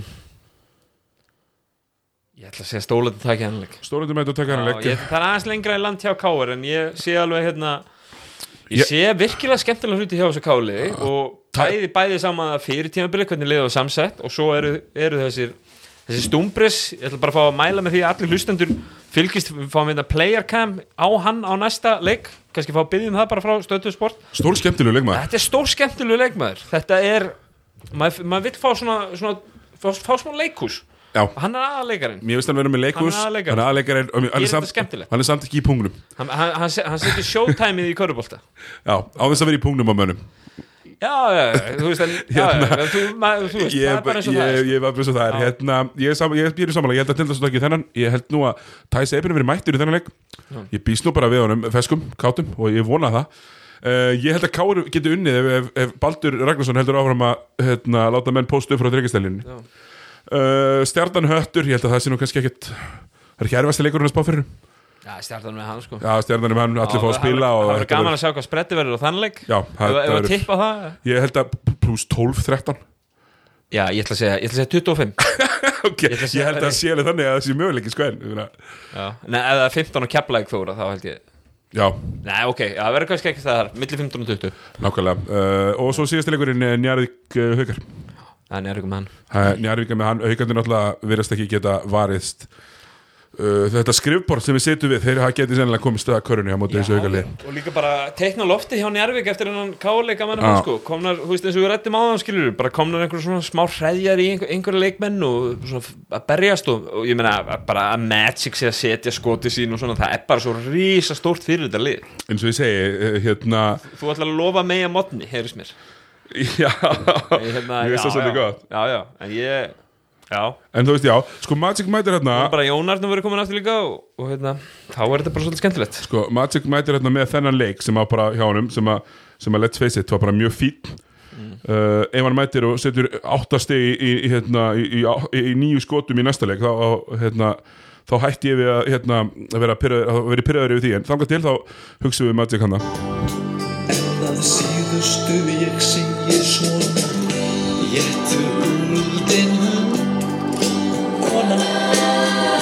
Já, ég, ég dúldi hund uh, vegna þess að Magic uh, sem ég hef gaggrind hvað harðast af öllum leikmennum deildarinnar var bara mjög flottur. En uh, þar segir við Dominos uh, spjallinu okkar Davís hérna Lokju og eftir örskamastund fáum við inn uh, Körubólta sagfræðingin Hörð Unsteinsson við bara spennt. Já, þá er hérna Dominos hlutanum er lokið og ég er búin að fá til mín annan gest. Það er Hörður Unsteinsson sagfræðingurinn mættur, blessaður Góða kvöldi blessaður, þú bara kátur hess Bara sprengur sko. Já, mjög svo. Að gegja hérna eru NBA Finals standa yfir og þrátt fyrir yfirlýsingar hérna ýmsum manna um að það sé ekkert áhorf þá er þetta einmitt með mesta áhorfið alltaf þegar það er leikurinn í gangi. Mm. sjómas áhorf hefur bara breyst og að hunsa það er eiginlega bara pínu kjánalegt. Hérna við kannski horfum á það að across the board hefur auðvitað áhorf lækkað á, á hérna, hluti í, í lín- línulegri dagskrá og hérna þetta, Við ættum held ég ekkert að vera eitthvað að búa til ykkur hérna, samsæriskenningar ef þetta snúist um það að leikmenn séu pólitískir. Hérna, ég held ekki er þessar mælingar, nú er er NBA lífpassið að því sem að ég veit allavega fremst í þessum stóru íþróttum varandi bara gæði og aðgengi. Uh, hefur þetta kannski hefur það eitthvað að gera með það? Það er bara potjett, þetta er náttúrulega bara cable mælingar sko. Já, þannig að Cable og satellite. Hver er að horfa á keip, eða, þú veist, er, ég, ég, ég, já, Það er ekki hægt á Íslandi einu sinni? Nei, nei, mér finnst þetta bara þeir eru að vinna minna, þeir eru að vinna tíman sem þeir eru með í slottinu sérstaklega í aldursólum 18-49 ára sem eru uh, fólk sem kaupir drasl þá er þeir bara í ákveðtis málum sko. hérna uh, kannski einu og einn frétt sem að kannski þessi fyrir það fara yfir. Uh, Philadelphia 76ers ákveða að eyða yngum tíma þráttur að vera búin að taka viðtöl við Billy Donovan og Tyron Lue og fleiri. Þeir bara ákveða að ráða dökkur yfir hérna, hvernig líst ykkur á þetta? kannski ég hörðu byrjar Rosa sexistlega ráning sko. Bara, Já, bara all flash in the bara án grín sko. Rosalega hérna Rosalega bara status quo hérna, Líklega bara, þau ætla bara að rúla teppin út aftur og, og ha- halda áfram með hérna hópin sem voru með í fyrra býstu við og ætlast til að, ekkert ætlast til og vonast eftir því að hérna að- Dokkar yfir segi en þá einhverja ása í erminni og geti gert eitthvað úr þessu tandumi sem að, Simmons og Embiid eru og, og þú veist, er vonast til aðmynd þú veist, þetta er komið gott held ég. 24 ára hérna, Ben Simmons og 27 ára Joel Embiid þeir eru ekki búin að geta spila saman síðustu fjögur ára okkur eru við að reyna þetta aftur? Þú veist, annarkvort, ég, ég segi hérna, treytið Embiid. Já, ég myndi alltaf bit Frekar en Simmons. Myndur ekki taka, hvað myndur þú gera það Mm. Embiid eða Simmons? Joel Embiid finnst mér mögulega geta orðið MVP deildarinnar einn daginn. Ben Simmons finnst mér ekki vera þar en er þetta ekki, er ekki búið? Sko, jú, tilraunin var Joel er- Embiid er búin, Joel sko. Embiid Joel Embiid svo nætti ekki orðið MVP í ár og svo mætti hann og nefndi ekki að spila vörn Já, og, ég er að segja og, samt og, sko og í Ég er bara að tala um hæfilega sér ekki, ekki að sem shipping En hérna Sko, ég, ef ég sé fyrir mig lið það sem að er það sem að Ben Simmons og einhver annar stórmaður eru aðalkallarnir með- á móti kannski liðið sem væri Joel Embiid og segjum Viktor Oladipo Mhm. á, á perimetin einhver, einhver staðar skilur þá lýst mér betur á Embiid, Spilar ekki bara Ben Simmons með einhvern brúk lópeska Er ekki til einhver stretch 5 max Já, en ég Jú, meina Ben Simmons segja, já. Ben Simmons er bara Janni sem Ben er örfendur og aðeins lélari Já. Ben Simmons er 6'10 sko. Hann er ekkert Ben Simmons getur meiri sem bara að spila fucking center sko. Ég segi það. Í- móti flestum liðum. Áhverju getur hann ekki verið Nikola Jokic bara? Mm. Veist, hva, hva, hvað er að standa í vegi fyrir því? er, Hérna kannski síðasti punktur Síðasti punktur hérna með Doc Rivers Nú var Doc Rivers að pínu feila eða pínu feila, meina Clippers náttúrulega að tapa í sekund, algjört disaster. Það er bara eitt ár eftir að samningunum hjá K.H. Paul George sem að árið geta optað út. Hann er sko Hérna, hann er búin að, er- síðan hann tók við Boston Celtics hérna, þú veist, hvað var það, 2005 eða 6 síðan þá hefur hann í svona 80% tilvika verið bara með contender í höndunum. Einhvers konar contender. Og Satt, hann er búin að vinna eitt titil og sá titil sko það það var sett einhverjum á Twitter væri Doc Rivers búin að vinna einhver titil ef hann hérna og Andrew Bynum hefði ekki gefið sig hjá leikar þannig að fyrir þá Já, mér fannst nú, mér fannst nú Skilurðu, eh, er alveg vera með þá ekki búinn að seri vinna neitt titil. Nei. hann næstum því vann ekki þennan eina þegar hann var með sko hérna, Prime Kevin Garnett, Ray Allen og Paul Pierce saman Kann- skilur og hann vann bara einn Hérna hey, eh, hann finnst mér mér Finnst þér hann það að lifa á því? Já, í, hvernig er þetta að lifa á því? Já. Það, sko, hann síndi það í fyrra af hverju hann lifir og okkur hann á skilið að vera metin hátt sem þjálfari? Þar tekur hann lið sem er ekki raskat og gerir bara hann býr til, hérna, segja hann býr til límonaði úr hundaskitt í fyrra. Og það verðist einhvern veginn henda honum betur heldur en að vera beint með einhverju nokkra stjörnina því hann verðist, hann verðist missa sko, eins og þetta klippisli, verðist missa bara algjörlega bara, hvað við kalla bara almenna kurtisi út um gluggan á, á klefanum skilur Sko Doc Rivers mætir í lið núna hann, hérna, þegar hann mætir til Philly og mætir í lið þar sem að let's face it, við erum ekki með einhverja karaktera sem hafa sínt það að þeir svona sé að tapa einhverju leik og það sé bara, nei, nú bara er svona will to win, Nei. nú ætlum við að hérna, vera með svona high karakter lið. Hann kemur úr klippinsliði sem er einmitt þarna með einhverja passiva leaders og fer yfir í það að vera með passive aggressive leaders í, í hérna, til dæmis stjóðulegum bít einhverjum Twitter-köllum sko. ég held að þetta sé hérna, ávísun á nákvæmlega sömu niðurstöðu sko, eins, og, eins og ég vetur. Ég held að eigi eftir að eflaust að, að, að þú veist að ég held að öll breyting frá Brett Brown sama hver það Satt. hefði verið. Á þessi tíðapunkti, já, Já, hefði verið, mun, muni skilar sér í þú veist, minimum 15 leikjum þú veist, 10, 10 leikja söflu mögulega í, í regular season. Þú veist, þeir muni fara upp um einhver leiki, kannski vera 50 sér að lið, vera góður regular season vera gott varnalið, mögulega komast ykkur af þessum, köllum sem eru kannski aðeins og, og, þungir í form Hljóta- og annars slíkt og hljóta bara á umhverfi. Já, þeir treyta eitthvað Al Horford eða Tobias, það bara hlýtur að vera. fórum, en hver ætlar að fokkin taka á? Já, tökum það setna en, en, en ég held að þetta verði alltaf saman niðurstæðan í, í playoff. Og því að, þú veist, ef við tölum um það að Janis og Milwaukee séu ekki playoff-lið, hvað er þá Philadelphia 76ers? Þú veist, ég meina þeir lendi í vesin í, í úsleitakefninu og duttu náttúrulega út í, í umdörðslunum í fyrra með Jimmy Butler Já. nú eru þeir ekki með neitt sem getur náði í körfu fyrir þá þegar allt er undir Nei. þeir eru með, þeir eru með hérna, rosa mikið af, af hérna, gæjum sem að er góður í körfubólta Stilum- Harris, Al Horford, þetta er fýtt kjarnin þetta bara passar ekki saman. Og þeir, þeir eru svo fastir í þessu. Þetta er svona eins og að vera fastur á reyti í monopól Davíð, Tobias Harris er Kristinn Pálsson hérna ó, vá, já. það, er, það er gott komp. Hérna, ok, ég, ég, ég er sammála. Við hérna, mm, það er uh, það er alltaf búið að ráða á, á ekki, eitthvað mörgum verið stöð við erum að tala um að Lue og Sam Cassell eru líklegastir í, í Houston og, og í Clippers Hversu fyndið er því- Darvin Ham, vinnu minn, uh, hann er, að- hann er í viðtölum út um allt. Billy Donovan alltaf komið til Bulls Takk eitt gott leikastekirna svona inn í miðunni á sér. Hversu fyndið er það að hérna það var sagt fyrir tímabilið að Jason Kidd myndi grafundan Frank Vogel og endanum mögulega stela jobbuna sem aðal, aðalþjálfari leikas hvað er að gerast núna hjá Clippers? Doc Rivers er komin til Philadelphia og Ty Lue komin næstur á listan hefur Steve Ballmer og fjöluðum í, í. LA Clippers en saman hann gerði í Cleveland ég Já. að, já, ég meina, ég held að ég, ef þú ætlar að segja mig það í einhverju flugferðinni þannig í Cleveland að að Ty Lue hafi ekki kvíslaði Lebron heyrði, hérna, þessi, þessi, hérna þessi gæði þeirnum bara komið satt til Ísrael sko. Já, já. ef, ef svo setning var ekki einhvern tíma sögð þá skal ég hundur heita sko. Já, nákvæmlega, þetta er svona það eru þessi svona nöfn sem eru nefnd þetta mjög mikið, sama með New Orleans, sem er Alvin Gentry búin að vera Var ekki talað um Alvin Gentry ætlaði að fara til Philadelphia og vera Jú, Með við, með, með Doc Rivers. Erum við alveg að tala um það að Doc Rivers, Alvin Gentry og, og Mike D'Antoni meðalaldurinn 72 ár séu í alveg þrýr gæðir á markarinn sem er verið að fara að ráða í þessi jobb? Ég vona ef ekki. Alvin Gentry far headcoach starf aftur þá, þá er það styrlu Já, ég er sammála, þarna ég ætlaði einmitt að fara þangað.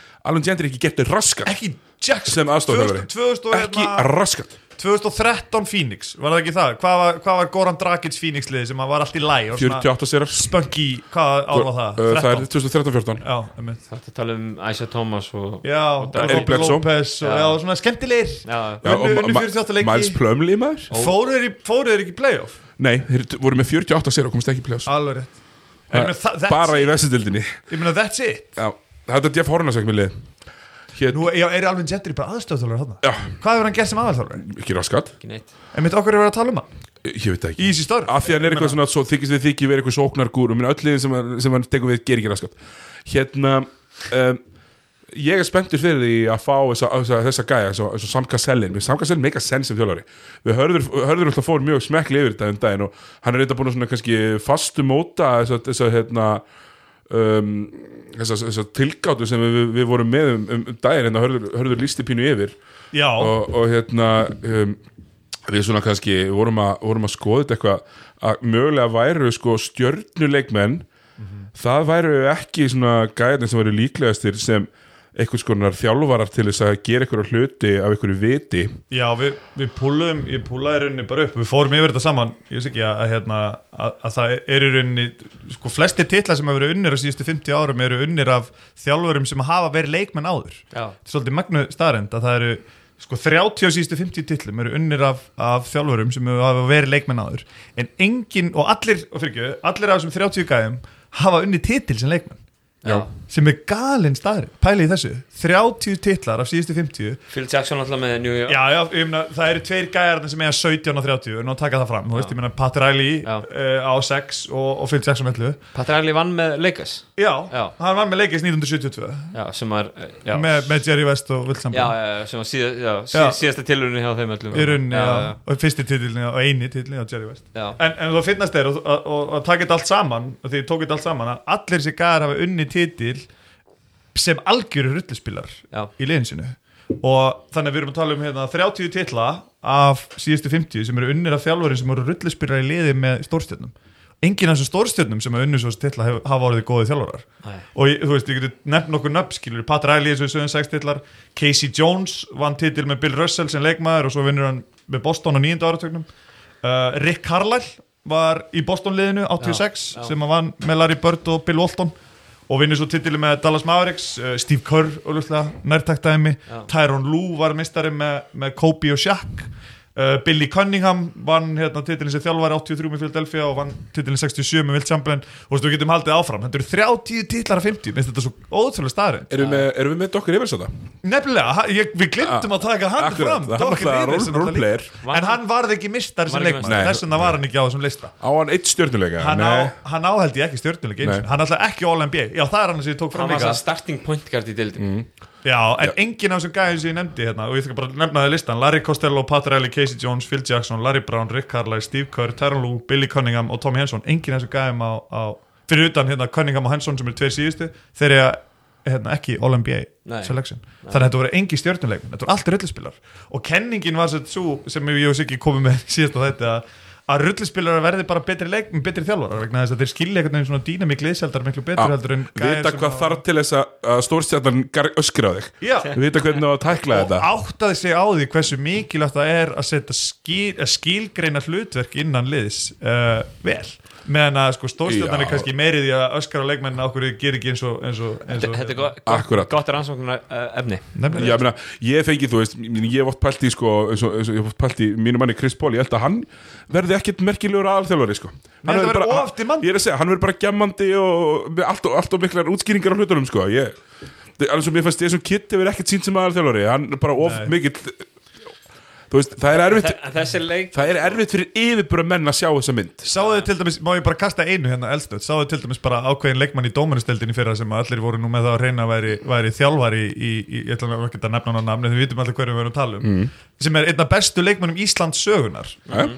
uh, en hann, hann, hann, hann öskraði ofta á leikmannin sinni eins og, eins og hunda. Já, já, og Það þú það. veist, út af því að hann vissi betur. Já, já og Það veist, og það, það er svona kannski þjálfunastílinn hjá mönnum sem koma sem eru svona öðbáslega yfirbyrða góður og eru stórstjórnar, þjálfunastílinn verður oft kannski pínu svona uh, krefjandi skiljiði, þeir eru kannski ekki sérstaklega skilningsríkir á að allir get ekki gert hlutin sem þeir geta. Nei. en það er náttúrulega þegar þú kemur inn af þessari stöðu inn í þjálfun þá er þetta náttúrulega þú veist, þú þarf kannski ekki að hafa mikið þú þarf að hafa allan að minna fyrir því að hérna að samfara leikmennina um að þú þú vitir hvað þú ert að tala um. Algjörlega, uh, þú veist. Algjör- en við, við sjáum góð náttúrulega punktur. sjáum dæmi- Mögulega, en við erum samt, erum við með dæmið þannig? Með, við, við, leitum að þessu. Já, við finnum ekki stórstjórnuna sem sem var góðu þjálfari. Nei, það er, það er leitun að henni. Við sjáum náttúrulega líka dæmi af eins og Jason Kidd sem að hérna veltist um sem aðalþjálfari og, og kemur svo inn í eitthvað ról sem aðstofþjálfari hjá leikast núna og þeir eru að gera vel Sjáum Derek Fisher hann var náttúrulega aldrei góðu leikmaður. Derek bara Fischer er Nei, ætti að vera góðu þjálfari aldrei á stjörnuleveli sko, er- Derek, er Fisher og Sam Cassell verða báðir á þessum lista. Þetta- já, það er gott teik Já, En hvað er Derek Fischer að þjálfa núna? mm, hann var hérna hvað var þetta aftur? Hann er einhvers staðar hann er einhvers staðar í einhverju liði sko Já, já. Um, Ég hugsaði, ég, hugsaði með mér gæja sem er í deildin í dag sem getur góð, til dæmis í Jerry Stackhouse að að mynda á Hann er að, já, hann er já.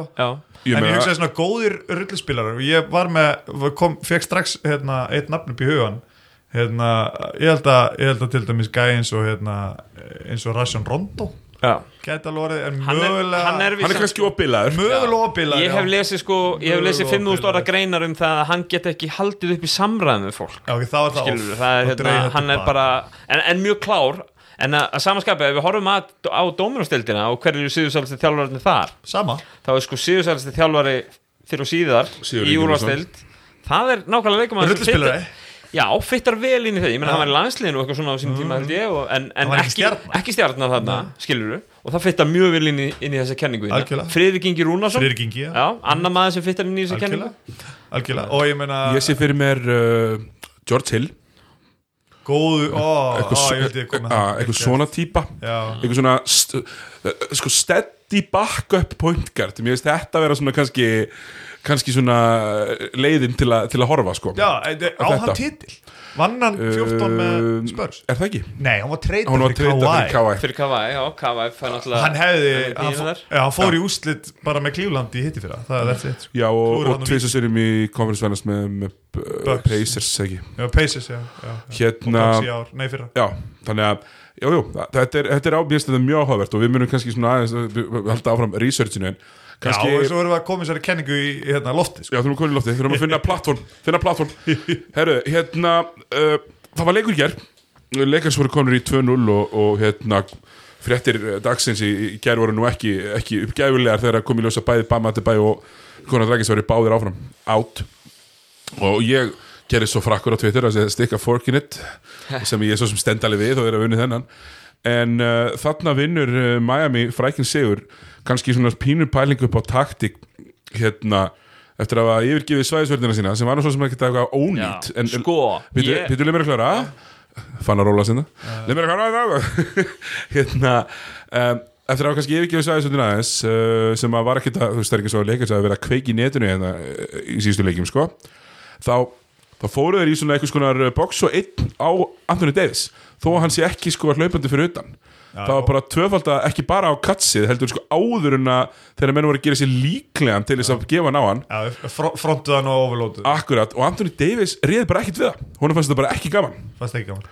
Ég held að aðal ástæðan fyrir að vera hættu svæðinu var ekki út í að leiki svo ekki netinu og þetta gáttu auðvitað ekki frákast í boltan Það er frá, erfiðar að frákast í vörn Í þegar þú svæðisvörn, spilar já. svæði. Já. Þannig að við vitum þetta Þannig að hérna, þú veist, hvað voru þeir með að sókna frákast Já, já, og þeir voru með sko leikmennina sem komu undir að þeir þurftu að spila náttúrulega aðeins öruvísi leikmennum að því að Dragic svo hætti bæjur át þá vorum við að tala um að, að hérna, neðri parturinn af þessu, af þessu svæði er, er hérna, Olinik eða Myers Leonard í miðunni og svo ertu með Kendrick Nunn og Duncan Robinson og þá ertu bara komin í vandræði sko. Það er bara basl það er bara bast sko, svæðisverðin hjá Miami Heat í öðru leiknum hún var svo sama bara frá fyrstu vörninni og út allan leikin er það ekki, minnum ekki rétt? Ég man allan ekki eftir að það hafi breytt í nettu það var eftir eitthvað eitt, eitt, en sko, þú veist, maður er að horfa leikin maður sér hvað er að gera og bara nákvæmlega hvað er að gera. Og ef þú ert ekki komið með það í svona miðjan annan leikluta þá bara, þá, er, þá ertu hálf blindur held ég sko, en þeir haldur svo út allan leikin ég, ég fylgdist með Twitter tímaleginu mínu eins og maður gerir á meðan maður er að horfa leiki og ég sá, sá sko bara sko sérfræðinga og eftir sérfræðinga eftir sérfræðing. Hérna, tala um það að Miami Heat hafi nú, hérna, hafi nú verið að gera í buksutan með að halda áfram með þetta lélega svæði sem við vorum með í, í fyrsta leiknum. Samt eru Heat bara, hvað voru þeir? Þeir settu sjálf sig aðstöð til að vera 7-10 stuðum frá í lokin. og það var bara það var það sem þeir þurftu í raun og verinni bara halda þessu jöfnu, þanga til í lokin og þessi svæðisverðin virkaði. Það sem að Spolstar gerir svo í leiknum í gær er að hann skiptir í þetta box og AD eða, eða hvaða heitir, skilur það, þú veist, þetta er svona adjustment sem maður sér í úslitakeppninu og þetta virkaði ennþá betur. En ég vil setja samt sko ég vil setja ákveðin spurningamerki við það að segja að hérna, þetta hafi verið ástæðan fyrir að AD var ekki góður. Ef, ef að það er það sem þú heldur þá ættu ekki búin að horfa á hín á seriðunar hjá leikis, af því að maðurinn augljóslega er miklum hæfileikum getur en hann á ekki stöðuleika í fimm leiki í röð. Hann er pulsa. það er stóra góður. Við sáum, sko, Kekjaði punktur við sáum hann, sáum hann eins og ég held að það hafi verið í seríunum móti Houston. Uh, það var, var Houston serían. Það sem að allt í einu í þriðja leik hann fyrir að setja, setja skoti sín upp á leiklun upp á öxlinni eða hvað, hvað það vilja kalla og hann bara gerir það þá leikurinn er búinn. Í gær þá tekur hann fyrsta skoti sitt uppi af leiklunum, einhver staðar um miðjan þriða leikluta sko ég ætla bara að setja spurningamerki við það að hvort að Frank Vogel hafi þú veist, hvort hann, hann hafi verið að reyna að adjusta, hvort hann hafi trist á eitthvað sem virkaði ekki. Ég meina, augljóslega séð virkaði það ekki. En þetta er einhvern veginn Anthony Davis er, hann er delicate. Þú þarft að koma honum inn í og ef hann fær einhvers konar svar eins og þetta box og einn þá þarf, þurfa það bara nóttina til að ráða úr því Nei. Let's face it, menn Anthony Davis sem er first option hefur ekki gert neitt Nei, en sko eins og hann var að Það- spila í, það- fyrstu, í fyrstu tveimur leikinum í þessari úslitaserju og þá vorum við farin að tala um það að mögulega að vera hann finals MVP Já, ég ætlaði einmitt að kalla bullshit á það. já, ég, ég kalla líka bullshit á það. Ef hann hefði spilað eins og hann spilaði fyrstu tvo leikina setni tvo leikina, fæn skilur Nei, mönnum, hey, sko, sko, nú ég að stoppa þig. Mönnum langar svo mikið að búa til einhverja sögu. Já, já. Mönnum langar svo mikið að búa til einhverja sögu Þetta er eins og þegar fucking Andri Ríko Dala vinnur Finals MVP Eða Okkur langar til að, já, eh, KI Okkur langar svo mikið til að búast til einhverja sögu að það verður að vera eitthvað svona umræða. Það verður að vera umræða um uh, hvor, hvor er uh, hérna, Anthony Davis, geggjaðu leikmar besta second option sem ég hef séð í svolítið tíma bara. Geðvegt second option. En hann er second option af ástæðu það er að því að hann kom í gær í leikin og hann bara lítill. Hann var lítill hann er 33, mi- 33 mínútur spilaðar hann tekur nýju skot og það er ekki að því hann er eitthvað á línunni hann tekur tvö víti. Hver- hann var einu sinni á línuna. Herru, 15-5-3 hann gat ekki neitt. Nei. og það er ekki ekki og villuvandræðin útskýra það ekki bara. Hann lendi í smávesinni, jú.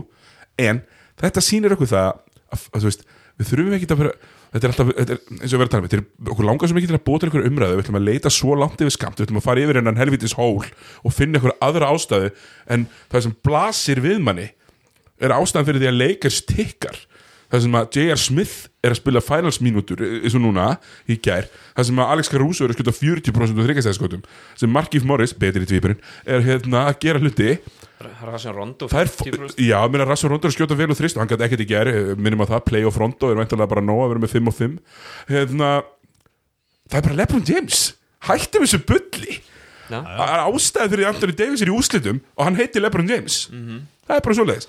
Þannig að við hérna kannski skiptir ekkert hvað ég ætla ekki að dissa Anthony Davis sem er geggjaðu playerinn er að búa til eitthvað uppdiktað mikilvægi eins og hann sé aðal maðurinn í leikast come on. Mér finnst pælingi líka vera svo mikið bara var fyrsti leikur þessa úslitaðinvís hérna, fyrsti körfuboltaleikur allra tíma skilur erum við ekki að horfa virkilega lengra heldur en halva viku aftur í tíman Anthony Davis hefur ekkert verið að gera þetta svona steady, skilur við geggjaði leikmaður en- leikmaður. já, alveg hreint ótrúlegur en, og hefði átt að gera meira á móti hérna, hérna Bam Adebayo lausum hérna. Já. ég meina Kelly Olin eitthvað að slátra þetta sko, skilur, að, ég meina, þú veist, þetta er ekki sko, þetta er fyrir, ekki á hæfi en, en þú veist, þetta er, þetta er ekki að koma á óvart. Sko við við skulum ekki tala um það þannig. Það er náttúrulega það sem var náttúrulega magnaðast að teika við eina leik og, og hérna, skammalegt fyrir okkar ef við sem ekki búin að minnast á að við fengum náttúrulega bara all time framistöðu frá leikmanni sem ég hef nú kannski hérna býtu hörður, býtu, býtu ætlar að spila lagið. Ég ætla að spila leið býtu, nei. Það er að koma lag, það er að koma lag, býtu það er að koma lag. Uh, við erum hérna, sko Hörður Unstinsson, uh, mestur Jimmy Butler uh, heitir sem ég veit um, nei, kannski ekki alveg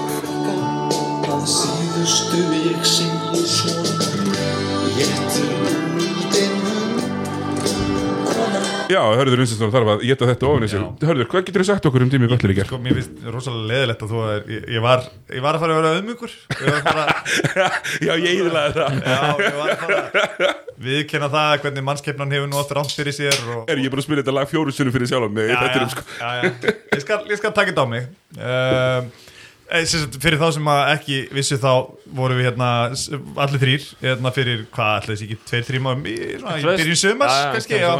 Og hérna ég valdi Clay Thompson og undan Jimmy Butler í rítrafti Og flestir gerðu það nú, bara svo við höfum það hér Davíð var alveg með þér. já, já, en þú, þú veist ekki eitthvað einn á eiginni sko. Nei, Nei, nei, nei, rólegur, ég ætla ekki að vera Jimmy Butler eiguna, sko. Nei, nei. En, en Jimmy Butler er búin að impressa mig uh, það mikið í þessar úslukenni sem, sem leiðtói þessar liðs sem sóknar option nummer eitt hjá liði sem er komið í úslit og það er bara eitthvað sem er virðingavert og ég verð bara að taka um þetta hefði Clay Thompson aldrei geta gert sko. ég sá þetta ekki fyrir. Ég meina fyrir úslukenna hérna, og fæstir sáu fyrir. Sko, við getum bara, svo ég fái kannski bara að fara yfir þetta. Þá er þetta 40, 13, 11 Já. Það er 13 stóðsningur, 11 frákvæmst Hann er með, hérna Hann er sko 14 af 20 Með 70% skotningu. Uh, 12 af 14 Í hérna vítum besti Eh, vartamæður þeirra? Besti varnamæður þeirra var á LeBron James allan leikin og það skiptir máli. Akkurat, og ég ætla kannski að kommenta á sko eitt með þetta. Ekkert törnöður í fyrstu tveimur leikinum og í gær bara Bara 5 Bara- með bara- allan tíman öllum reppóhans litum Sko, komið törnöðurum Já, bara aftur og öllum er ekki búið að steyta um körfur. Nei, hann var bara með körfurinn í teik Og svona, svona semi-feita vegi með menn á mjöðminni. Hann var líka ógeðslega góður í því Já. að koma sér á línuna úr vonlösum Ég er að segja þér að hann tekur Hann nú- bara- hann tekur 0 skot í leiknum 0 þryggastæð skot í leiknum. Já. hann, sem er mjög merkilegt uh, sérstaklega en, en kannski svona pínu sniðut með Anthony Davis í smá villuvandra en Dwight Howard ekki að gera raskat hann bara fór á ringin mér finnst það alveg ótrúlegt Er að ekki- þeir hafi ekki byrjað að tvöfald á hann fyrir sko, eða þú veist, þeir gerðu það bara ekki Nei, og, og þeir sem bara til lokinu var ennþá bara að fara einn og einn og var Og bara þeir-. Caldwell Pope og bara fara sko. akkurat og þeir greinilega treysta sko, og fyrir utan við, svo við, við klárum pöllirinn, þá erum líka með tvo stólun og tvö blokk sko, veist, þetta var bara all time leikur. Og þetta var, ég var, ég, hérna, ég tók mér hörði hverjir smá já. ég tók hörði smá kvesi í, í morgun hérna, með hversu margir hafa átt 40 stiga triple double í, í finals. Davíð, það eru tveir. Ég náði öðrum Þú skjóta, þú veist, uh, gefum nú herðið smá kredit. Hann náði öðrum með rétt ártal Ég er með sko fyrir 50 árum. Já, ég segi það, þú veist Við fáum bæli Lebron James. Ah, LeBron James. Og Magic Johnson. Nei, það er LeBron James og Jerry West. Jerry West. Jerry West 69 Já. og LeBron James 2015 Í sko, í tableik eða í tab-seríu, Jerry West var sérst valinn uh, Finals MVP 1969 í tab-seríu, var sérst fyrsti Finals MVP-in sem vann hérna. Og Erik- eini. Svo, svo eini sem er unnið úr, úr tablið. Akkurat, og sá sem hefur verið næsti og svo einu sem við fengið LeBron finals MVP 2015. ak- Akkurat, þannig að það er bara þannig. Uh, Við verðum að gefa pínu kredit á þetta Miami-lið. Þeir eru að fá ótrúlegar mínútur frá, frá sko, Duncan Robinson er svona 40 mínútur. Veist, Duncan Robinson er flottur og þeir eru búin að ná að fela hann ágætlega vartala en með að Duncan Robinson er rookie spila 40 mínútur. Við fáum hérna, líka aðrar 37 mínútur frá Tyler Hero sem að kom og setti eina mikilvægastu körum leiksins í lokin. Sko. uh, frábærar mínútur frá Kelly Olynyk sem að mér fannst bara svo ég hérna, komið því að Kelly Olynyk var alveg fínn í leik 2 Kelly Olynyk fór aðeins út fyrir sitt svið í leiknum 2 Já. hann var að taka skot langt fyrir utan feita veit, eitthvað svona. En í gær var Kelly Olynyk eins góður Kelly Olynyk og mögulegt er. Við erum talið 5 af 9 fyrir 17 stig. Perfect Þetta, þetta varnar skím hefur mig líka einhvern veginn Kelly Olynyk Fitt- bindur þetta saman, hann er Já, góður í já, þessu. bara- Hann fittar inn í það fáum 20 mínútur frá Kendrick Nunn sem búið að frista þú veist það búið að frista, hann. Hann spilaði spilaði ekki í conference. Nei, akkurat, Nei, það er ástæð fyrir því, sko. Hann þurfti að fara úr búblunni og tilbaka og eitthvað svona, sko. var Já. eitthvað- það var ekki bara það sko, Hann meittur rosalega mikið setnipartin á vetrinum Já. Var búinn að ná það var ekki sér setnipartur af veitrinum ha, Nei, ég er að meina, já, setnipartin á vetrinu sem var hann var, var hann mikið meittur Eftir að byrja stórkostlega. En svo þurfti hann að fara úr búblunni út af einhverjum Þú veist, hann er kannski svona núna að koma fyrst inn í Davíð, ég fullir því, ef Goran Dragic væri að spila sína 35 mínútur, þá væri hann ekki sn- að- þá væri með flýsar í raskatinu. En, en þá, er þá er spurningin þessi til þess að þetta verði ekki eðna, bara þessi, e, þetta eina blip í runni bara frekar þægilegu gentleman svípi frá hjá Leikes sem er svona óttinmanns að verði, þú veist, þetta er svona þetta klassíska þetta er 2017 Warriors að tapa leik var það leikur þrjú eða leikur Já. töpu Þrjú. ég held að það hafi verið þrjú, já. og hérna sem er ekta gentleman svík, þú vinnur einn á þú ert einhvern heimavelli Þú ert búin að vinna seríun í huganum í 2-0 og svona og það var alveg svo óðbóðslega augljós hversu mikið leikir stigu af, af bensingjöfun í gær. Já, og þess vegna er svona hættan á því og þá kemur spurningi minn til ykkar. Ef að Bam og, og Goran annarkvor eða báðir eru 50% eða þú veist 60, þú veist, segjum bara 70, 75 og, og Linnik og Nönn eru búin að eiga þessa leiki sem þeir eru búin að eiga, Butler er búin að vera hérna, primusmótorinn og, og bara gæinn sem er bara með boltan í höndunum alltaf og svona vilja liði til sigur í þessum leik þrjú, myndið myndi, myndi þið kasta þeim inn? Eða þeir eru ekki, þú veist þetta er náttúrulega ekki 90 þú getur kannski fengið ef um, Bama de Bayo er 70% frekar hann, kannski já. getur þú stólið þessum 14 mínútur sem Majas Lennart spilaði. En. Majas Lennart hann spilaði fjóra mínútur í fyrirháleik og á þessum fjóra mínútum hann að gefa, gera eitt svona baby hook eitt þrist og draga Dwight Howard lengst frá körunni. Já, hann fiskar líka fjóruðu að segja, á Anthony Davis akkurat. sem að var krúsjál á sín Nákvæmlega, svo kemur hann inn í setniháleik Erik Spolstra er búin að lesa þetta way. kannski getur bara Majas Lennart spila og Majas Lennart spila tímyndir í setniháleik Já. þannig að bara stórt kútus og en, enn og aftur Erik Spolstra besta adjusteran í, í deildinni í dag. 100%. og fyrir mér bara besti þjálfarinn í deildinni Hérna Ég ætla að fá að henda mínum manni hérna, Frank Ógur Frank Rókur færa þetta í neitt tapar, fyrstu leikinum í seríum og tap, tapar svo ekki meir sko. ég er alveg sammála, ég er alveg sammála en fyrir mér, Erik, Erik Spolstra er með núna Já, já, við erum að tala um 15 ára á body of work það sem hann er bara að gera hluti. Já, já. En svo bara spurning núna, ég veist, kemur Vókilin í leikinu aftur, ætlar hann að halda áfram að finna Davis og er bara búin að adjusta hvernig hann ætlar að spila veikur hliðin á móti þessu tvöföldunum eða ætlar hann að fara í eitthvað annað hann hlýtur bara að fara að sparki Anthony Davis Ég meina, ok, vilt Hörður, þú ert körbáttaþjálfari Ég veit Meina, þú, þú, þú, ert með, þú ert með eitthvað adjustment. Ok, þú getur samt ekki Heldur að þú myndir geta bara adjustað og Lebron James? Á, tekur hann bara nýju skot? Nei, nei, nei. En það sem ég er að segja er að, að þeir getur mögulega Sorry. bara að leita þessum isolationum hjá Anthony Davis endalaust Já, förum bara að peka og poppa. Já, ég er að segja það. Þú veist að finna þetta frekar í flæði í stað fyrir að leita þessu. Já, ok, ég er að- þetta pínu sammála Það hann að Setni hálegs sóknin hjá Lakers er ekki falleg. Nei, hún var bara mjög ljót. Mjög ljót. Var Sko, þeir, voru að reyna, þeir voru að reyna að exploita þessar tvöfaldanir með því að láta Davis finna þá opna veikur hliði að fá hann er bara lélegu frammi. sendingamæður Hann er það. Hann, hann, er með, hann er með fimm turnover. Já, já. maður sem, að, maður sem að eina sendingin sem hann gefur er þegar hann er töfaldar Og það er mitt máli með, með köruboltaþjálfur að þeir geta oft Ég ætla ekki að segja við þess að ég hef nú aldrei verið eitthvað svona djöst ég veit nú ekki með hörð en ég er sko aðalþjálfari. Já, en þeir Ó, búm En þeir, þeir eiga til að festast í hausnum á sjálfum sér. Að ætla það að vilja, vilja, vilja vinna og mikið með einhverjum perraskap að, hérna, að gleyma því að stundum er leikurum bara best spilaði þegar að það er talsvert frelsi sem að leikmennir fá til þess að finna, finna taktin sjálfur en hérna þannig að mér, mér fannst þið svona fyll mikið fara að leita í það að koma Davis inn í leikinu, menn þau gerir þetta líka móti Denver, hvort það var leikur fjör hvort það ekki leikur sem þau tapa móti Denver. Þegar þeir byrja, ok, hann skora 19 fyrstu stíin, en það fannst 19.00 fyrir Já, einmitt hann, fær, hann fæst ekkert flæði í sóknarleikin munið ekki eftir þess að þeir fóru held í 12 sóknir röð Já. á Davis bara að isolata hann á, á, hérna, á blokkinni, ekki eins og blokkinni bara í midpost og hérna, þú veist, þessu fórnar er náttúrulega bara að það, það kemst engin annar í takt við leikin það kemst ekkert flæði í sóknarleikin og þú ert bara að leita, ég ætla ekki að segja tómum stegum, þú ert að leita stegum sem að muna á endanum þorna upp og þú þarft að fara að finna eitthvað annað.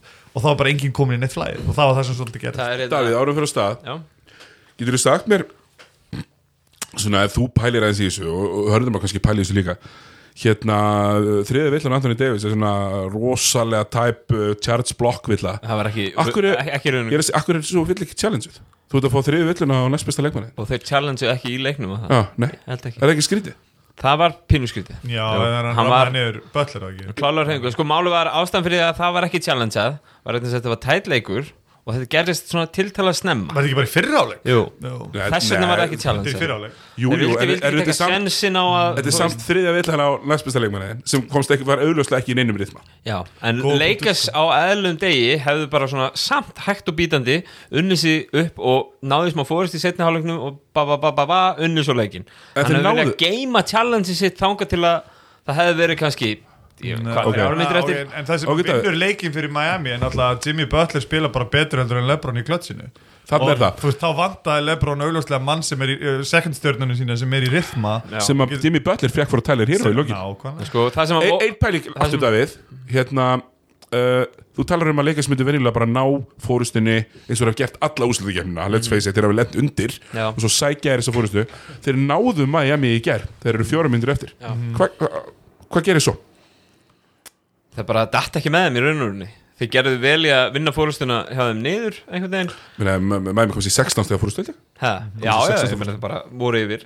Það var einhvern veginn bara, sko, mér finnst Frank, mér finnst Frank Vogel í þessum leikjum sem að leika sem við tapað, hefur mér þótt adjustmentið hræðilegt, mér finnst enginn hafa komið út úr hálfleik sem spilaði illa í fyrirhálfleik, hafa komið með neitt sérstakann kraft inn í setna hálfleik, mér finnst það og kannski hafa verið LeBron James sem gerir það bara svona samkvæmt eðli sínu, einhvern veginn að vera endurlega sprjálaður ef hann er undir en sko hinnir restina af leikmannunum einhvern veginn það virðist ekki vera, hann virðist vera með gameplan fyrir leik og það virðist ekki breytast neitt þó þeir séu í tómu tjóni. En svo kemur adjustmenti á milli leikja og þetta sáum við skýrast í hérna, breytingunum sem kom á milli leikja ekki í miðjum leik í Portland seríunni þegar þeir tapa semst leik fyrir Portland og henda Alex Caruso uh, koma honum bara í einhvers konar svona aðal. Þú dekkar mannin sem að er, hérna, er að fara að skjóta boltanum áttist, Lillard eða McCollum eða eitthvað. Það var firepower sem að leika styrti þá og þeir vinna seríuna essentially út af því að Alex Caruso er mjög hérna, aggressífur og flottu varnamæður og stoppar í rauninni hérna, það að bakverðum Portland Trailblazers liðið vel. Þetta kemur á millileikja, þetta kemur ekki inn í miðjum leik. Hann verðist þetta einhvern veginn á kottanum sínum på kvöldin skilur mig. Með mig. þannig að ég býst bara við einhverju adjustmenti eða svari við þessu, þessari svæðisvörn ég býst við að, að hérna, AD komi sterkar inn líka í næsta leik. En ég, þú veist í raun og verunni, þá ef við horfum á þessu síðustu tvo leiki þú veist, narratífið einhvern veginn, það vill oft verða þannig að liðið sem einhvern veginn er herra ránkað og ML Lebron James og eru komnið 2-0 yfir. Sko þessi annar leikur sko Miami Heat voru bara svo vel inn í honum þá til að voru tvær myndir eftir þú veist, þráttur að vera að spila hérna í fyrsta skipti allan vetur án bæði hérna Goran Dragic og Bam Adebayo. Það er bara það er bara major credit á spólstra en í raun og veru það gæti þessi seri alveg verið 2-1 fyrir hít við erum ekkert komnir á það þann stað sem að veðbankarnir vilja segja að, að hérna, það sé bara 1,01 á leikas og, og 100 á Miami Heat. Þetta er Sem- bara þetta er bara búið að vera sagt, ég meina hvað er Miami Heat búið að tapa mörgum leikjum í þessu úrslutakefni Já, uh, þeir eru búin að tapa einu leik meira en leikast Já. Þeir eru þá væntarlega 13 og 4 13 og 4 En fyrir þetta 13 og 5, 13 og 5 Það er bara tapað 5 Eh, Er ekki, töpuð, tapað 3 og nú er bara tapað 2 Einum í hverjum fyrir Og svo tveim í þessari. Nei, fyrir ekki, það er bara einum í hverjum verð eh, Tveimur á Nei, Celtics. Já, sko- þannig að þreimur þar og svo tveimur í þessari seri Þannig að 5 í, í leiknum í gær þá vinna þeir vinna þeir með 11 stigum og þau gera það þrátt fyrir að Duncan Robinson sé 3 af 10 fyrir utan. Hérna Clay Crowder er hérna 2 af 8 fyrir utan. Clay og þú veist, Heat er ekkert að spila en ógíslega flott, þú veist, restin af leikunum fyrir finnst Jimmy mér- Butler kannski og Kelly Olynyk. Þú veist, Þetta er- þetta er bara meða leikurhöfum Þetta er frábær, þetta er frábær punktur. Það er ekki eins og menn hafi bara verið on fire. Alls ekki, Duncan bara alls Robinson, ekki. Duncan Robinson til dæmis er ekkert 2 af 10, 3 af 10 Mér að Duncan Robinson skorar 13 stíð úr 12 skotum. Uh, Tyler Hero skorar uh, 17 stíð úr 18 skotum. Það er ekki eins og þessir menn sé eitthvað að kapna úr því að vera rosalegir og sem það hættulega og ég, til þess að bæta hún á þetta er að þá fær hefur leikis verið svona steddi í úslutakennum með að fá alltaf framlega frá einum af rullispilunum sínum. Markið Þeir Morris fá- í gær. Já, nei, þeir fá 90 frá Kúsma líka. Já. Já, Kuzma Þeir fá var 90 mjög frá Morris og Kúsma og það endar samt í tapi. Mér finnst það pínu ágefni en augljóslega eiga þeir e, sín, sína, sína næst bestu stjörnu inni. Já. og hann þarf takk fyrir takk, bara eiga hann þarf bara eiga, gó- hann þarf bara eiga stórleik Nú er ég búin að vera að horfa á Anthony Davis Ah, mjög lengi og hann er svona eins og aðrir hægri handar menn finnst betra að pulla upp á leiðinni til vinstri, þú veist, eftir eitt vinstri handar Einmitt. eins og öllum hægri handar mönnum nema Gunnari Stefánsinni þeir, þeir get betra að gera. Og okkur örfundu finnst betra að fara til hæri Akkurat, þú veist, það er bara að þá getur beint olbónum að, að hringnum og e einhvern veginn þannig, skilur við uh, Hérna Anthony Davis í gær og, og þess vegna fannst mér, þú veist, Miami það þurfti ekkert einhvern Nostradamus Körballast til þess að lesa það, Anthony Davis finnst þú svo gott að fá hann á 45 gráðnar á vinstri blokkinni og taka eitt ripli áttina baseline með vinstri áður en hann púlar upp. Það er ekkert nýtt. En mér fannst þetta skemmtilegt af því að, að því að flestir svona að því að oftast þegar menn ætla að doppeltíma á þessum tímapunkti þá kemur það um leiðu setur dripli í gang. Þú veist, á fle flestum svona sérstaklega áttur að dobla af baseline þá gerur það eftir að menn setja boltan einu sinni í gólfið og þá mætir og þau eru menn að taka boltan upp og, og, og, og þetta. Doppeltími á Miami kemur sko áður en hann grípur boltan til þess að hann fá ekki þetta dripl mér, mér varst það svolítið sexy og ég get alveg trúa því að, að hérna, leikarsmunni mæta í næsta leik og, Anthony Davis mögulega fær boltan svolítið hinum einn til þess að fara frá doppeltíminu en Anthony Davis verður þá bara að sína okkur hann getur refsað með sendingunum líka. Því að hann var hann mjög hann slæmur í því. sko, þetta, þetta leikaslið þó að sé stórgott og, og stútfullt af bara gífulega hæfileikaríkum leikmönnum þá eru ekki rosalega margir í þessu liði sem að búa til sitt eigi skot. Og þegar að Vogel ætlar ekki að fykta í rotationinu sínu þar sem hann farin að stakkara LeBron James og Anthony Davis mjög snemma í leiknum og annar þeirra er bara bust í leiknum og hann breyt, Vogel breytir tiltalað lítið í rotationinu sínu hann bara heldur þessi gangat og fer, heldur áfram að reyna að fara inn á Anthony Davis þó hann hafi verið með sko heilt kíló af, af veitna, smjöru á puttunum skilur þarna tíðanbili að þá, einhvern veginn, þá vill það verða svona skilur það er hérna ef þú setur þig kannski í spór Heru, og setur í spór Frank Vogel. Og þú ert búin að horfa á uh, þennan leik og, og kannski síðustu tvo þar sem að sóknir leikist kannski búin að, ekki búin að vera hvað segir maður? Eins og við talaðum að firing on all cylinders. Nei. er eitthvað sem að þú sér þarna sem er svona auðvelt adjustment sko. Ég meina, hafkortsóknir þeirra hefur náttúrulega ekkert verið eitthvað hérna, dundur, ég meina, það sem þeir hafa verið að fá sitt, sitt, sitt hérna Þetta er eru transition í guðir, transition algjörum, sóknarleiknum. og þessi svona, þessi kallast svona semi-transition eða það er svona að koma í svona á öðru tempo upp. Uh, og það er náttúrulega með snillinga. Já, já, það er handbóltatörm, við skulum ekki nota það hérna, en, en við, við fáum hérna, við erum náttúrulega með gæja með það hátt körbóltækju eins og við komum inn á löðdæðin í Russian Rondo og Lebron James að þú vilt hafa þessa gæja á opnum elli eins mikið og þú getur. Og þá þarf þetta að stoppa. Og því miður þá var það bara þannig í þessum leika þeir voru bara fá einfallega allt og mikið að körfum á sig. Uh, og uh, þeir fengu heldur ekki sóknarfrákvastin sem þeir fengu í, í leik 2 sóknarfrákvastin nefnilega í leik 2 var líkillin að sér í leikis og þar uh, og þar turn, turnoverin líka. Þau voru með engin turnover í öðrum leik eiginlega. Já, nú eru sko, eru með fimm, Allt. fimm Anthony Davis og 8 LeBron James. Og þau lítu öll alveg hrikalega út sko. Og þeir voru konum held ég 12 af þeim, ef þú- ef þú ert með 12 tapaða bolta í fyrsta leikluta í fænasleik þá áttu bara ekkert skilið að vinna. Það Nei. er það bara þannig. Og uh, hérna, ef, þú færði ekki þessi, þessi effort point, þess að ég segi ef þú stoppa og fá transition stig eða þú taka sóknarfrákust og fá second chance stig ef, þú- ef, að sveiflan er einhver 30 stig eins og það var á milli leik 2 og leik 3 hjá leikest þá, þá er það ekkert að fara að enda vel sko. þannig að adjustmentið er að mögulega, hérna, mögulega að- frekar að, að pumpa upp í varnanleikin heldur að því þú ert með Lebron Davis og Lebron James og Anthony Davis eða þú mynd skora hálfum veist, það, Það hlýtur bara að vera. já, já, ég hef engar ákjör því Hérna, mm, uh, ég er búin að fá mikið að heyra það varandi playoff rondo, mér er að taka mig á Twitter? Ég er reyndar ánægð með það, ég fíla kvittar reyndar uh, get ég þá bara að tala um að það sé þá playoff rondo en ekki finals rondo, hérna með 9 og 6 og, og ekki góð nýtingu. Uh, hér, það þarft alltaf að koma með skot á hann. Já, ég, vegna þess að ég fæ alltaf skot á móti og, og ég er tilbúin í hennar slag En það- getur ekki bara, já alltaf. hann gleði mig. Uh, ég er ekki, þetta, þetta voru sko ekki statið, þetta voru statið úr öllum finals. Þetta er já, náttúrulega þetta, já, ok, 9-6 Aha, þetta er meðaltal Aha. 9-6, uh, það er nóg að vera playoff rondo með 9-6 Þetta er náttúrulega ein keðja Siggi, þú voru aðtöða það. Og, og þegar ein stjarnæðin inn á vellinum sem á að hérna, fá boltan og, og gefa hann á réttin tímum út úr doppeltíminu eða keira á körfun einhvern veginn og fá, koma hlutunum í gang. Þegar þetta fyrsta opsöðin þitt er að klikka þá náttúrulega kannski lítur Rasjón Rondo aðeins að verra út þegar hann er að taka mínuna sínar sem leikstjórnandi liðsins. Nú, en, en, en, en, en þegar hann á góðanleik þá er hann katalist. Já, sko málega. Þegar við erum með, við erum með hérna, gamla leikmenn þá erum við ekki að búast við því að þeir Nú. geri þetta í hverjum einasta leik. Nei. og með að við framistuðu rondo á síðust árum að þá erum við hérna, þá erum við kannski, ég meina ef hann er að gera þetta tvo á fjórum leikjum sem góður leikmaður. Þannig að playoff rondo er annarkur leikur. Þegar Playoff rondo því er annarkur leikur? E, nei, þessum ég, aldri, ég, já. ég, ég, Já, ég ok, fæn, hann er svona 33 sko, hann er Já, ekki já. 36 ára sko. Nei, nei, En er finals, er finals statið hans all time 9-6 Nei, það er auðvitað eitthvað skrítið. Það- Já, ert að grína sig ekki ætlar að fara að dæma fyrir það að vera með 9-6 í þremu leikjum í þessum finals Bíddu, bíddu, 34 bíddu. ára gamall að verða? Uh, ég get bara gert þetta á 0-1 sko, finna og fund- finals statið hans Já, all það er time ekki, já, það er ekki Ég skal lofa þér það er herra en þetta. 2008 og 2010 Já, það er auðvitað rétt, já, hann var náttúrulega mjög góður 2010 Mjög góð því að 2008 er hann náttúrulega bara svolítið að gefa og stóru kallana sem er eðlilegt. Já, uh, það bara ná, já, basket. Já, já, ég er bara með þetta sko. Hérna, kannski einpæring líka. Um, Þið tölum um, tölum um sko að LeBron James náttúrulega er upp á sitt besta þegar hann er að skora og senda. Það er alltaf að tala um að svona þessir svona hvað sem er talking heads sem finnst mjög gott að tala um að hans besti quality sé sendinga, sendingarnar.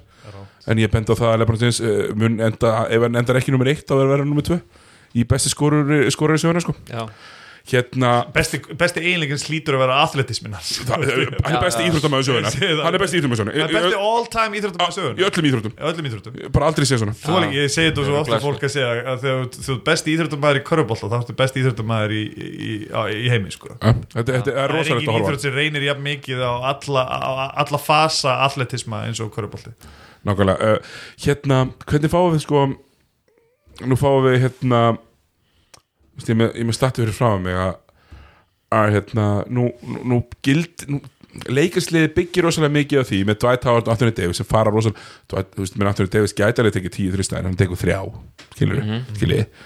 uh, Lebron James er, tekur, tók fimm í veist, hann er ekkert eitthvað að drita þristunum Nei, nei. Hérna svona aðal átlettin frá þessum mönnum sem fara inn í tegin og er eitthvað vesenast hljóta þá að teljast þessir, þessar skiptur sem spila flestar mínútur sem eru þá uh, KCP og, og, og, og Danny Green. Meri, Danny Green er að skjóta 20% úr þristum í þessu einvíi skellur skelvel auðlúslega mittur sér einhvern veginn hleypur.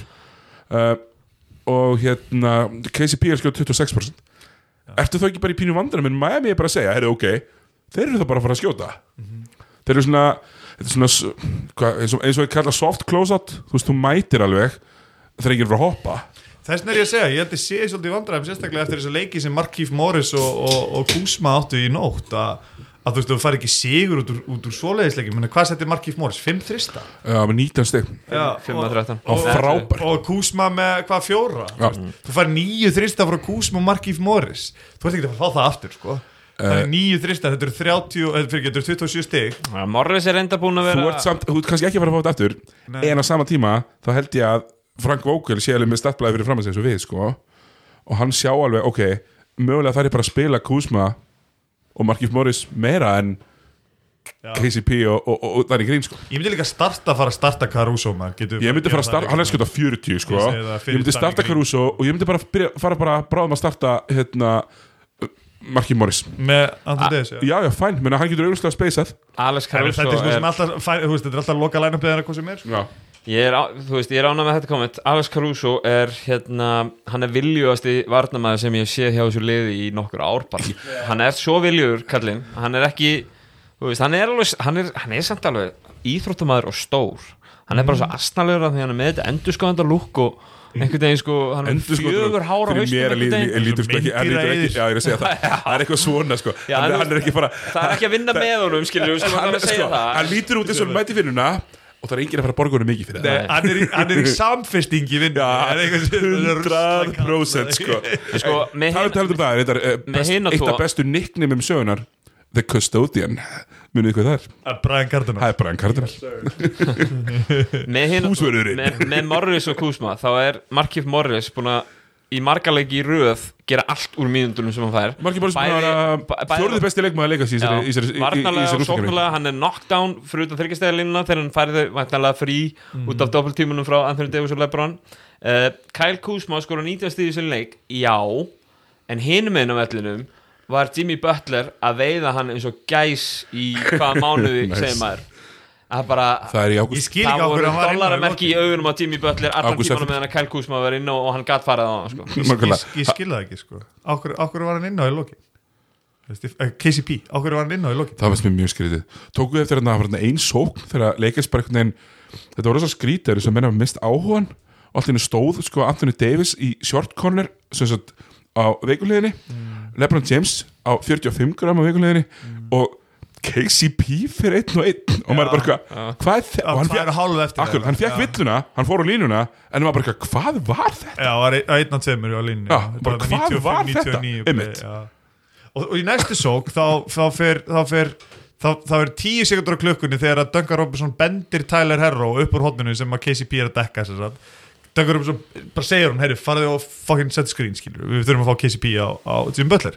Og hann setur screenið, það er nýju sekundur á skóklukkunni og Jeff Van Gundy er mitt myndist á það þetta væri að gera svolítið sent í skóklukkunni af hverju eru það að gefa þeim skiptin sem þið vilja á nýju sekundum Leikast gera það bara Hefur þið sett alla seríuna? Og sá sem var að setja þetta var, var Kelly og Linning og þú verður alveg geta rótirað veikur hliðin á poppið hans. Tvöfaldað bara veist, ákveður þetta Ef þeir alltaf post upp Kelly og Linnick þá bara verðið þið með góðu. Já, ég meina, já, þú veist, við höfum kannski hrættu poppið hans eða eitthvað, en taktu það frekar heldur að Jimmy Butler sé að fara að ráðast á, á, á KCP og það sem gerist auðvitað var að KCP skipti yfir á Jimmy Butler og Jimmy Butler resti hann og fekk tvösti Já, kannski stórt í þessu er að Jimmy Butler fekk svona grípan bara basically á liklinum þessu, þú veist, á olbúanum þessu það höfum við kallar þetta, þeir ánlega með high post.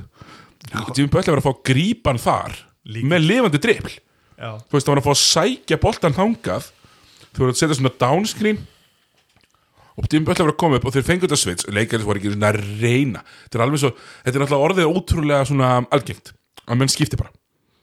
Það, það er orðið rosalega þú veist, ég sjálfur eitthvað að reyna að installa einhverju prinsipum að það þurfa að vera 5 sekundur eftir að skotrykkunni til að vilja skipta á skrýni skilur, eitthvað svona.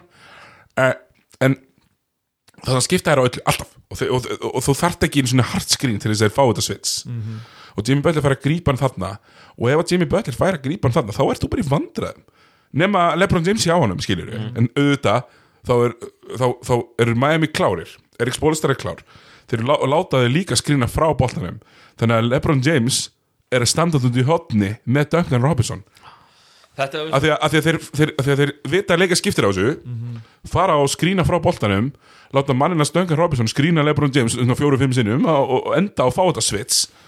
Þannig að þú tekur Lebron James út úr pleginu Þarna verða náttúrulega bestu leikmenn í liðinu það er tvær myndir eftir í leik þrjú í úslitunum það verður bestu leikmennin í liðinu að taka smá ábyrðin á vellinu það er nýju sekundur eftir á skotlöku þú veit ekki að það gefa þeim easy switch sendi bara KCP í burtu og lætur hann halda áfram nákvæm fokkinglega og þá bara, þá bara hrindir þessu skrín í burtu mætir á staðinn og það, það er ekki þannig að Miami eða nokkuð annar lið geti gefið sendingu frá toppnum niður á uh, sem sagt, niður á olbóðan og þaðan út í hotn á þannig tíma að þú getur ekki sleppti að skipta í hotninu eh, þetta er bara, þetta er bara þetta er mjög einfalt að og þú hefur alveg halva sekundu til þess að sleppa því að skipta á þessu skríni á Duncan Robinson.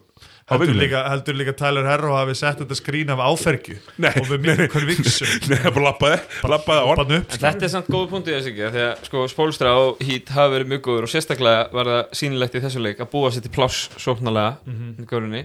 Það sést rosalega vel í, líka í það sem að við höfum það var reyndar sérstaklega í öðru leiknum. Sést í hvað Anthony Davis tekur lítið af frákostum Spólstra er einhvern veginn búin að ná honum lengst frá körunni sko. lengst frá körfunni. Af því að sko hann er meira að segja það langt frá körfunni að það meikar ekki sens fyrir hann að krassa krassa glesi sko, uh, gleri segi ég.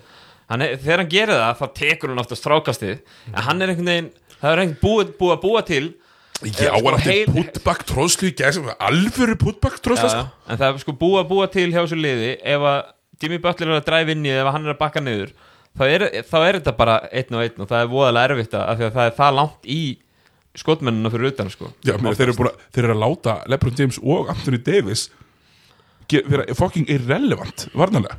Það er eh, en og leikir sá alveg að geta uh, countera það.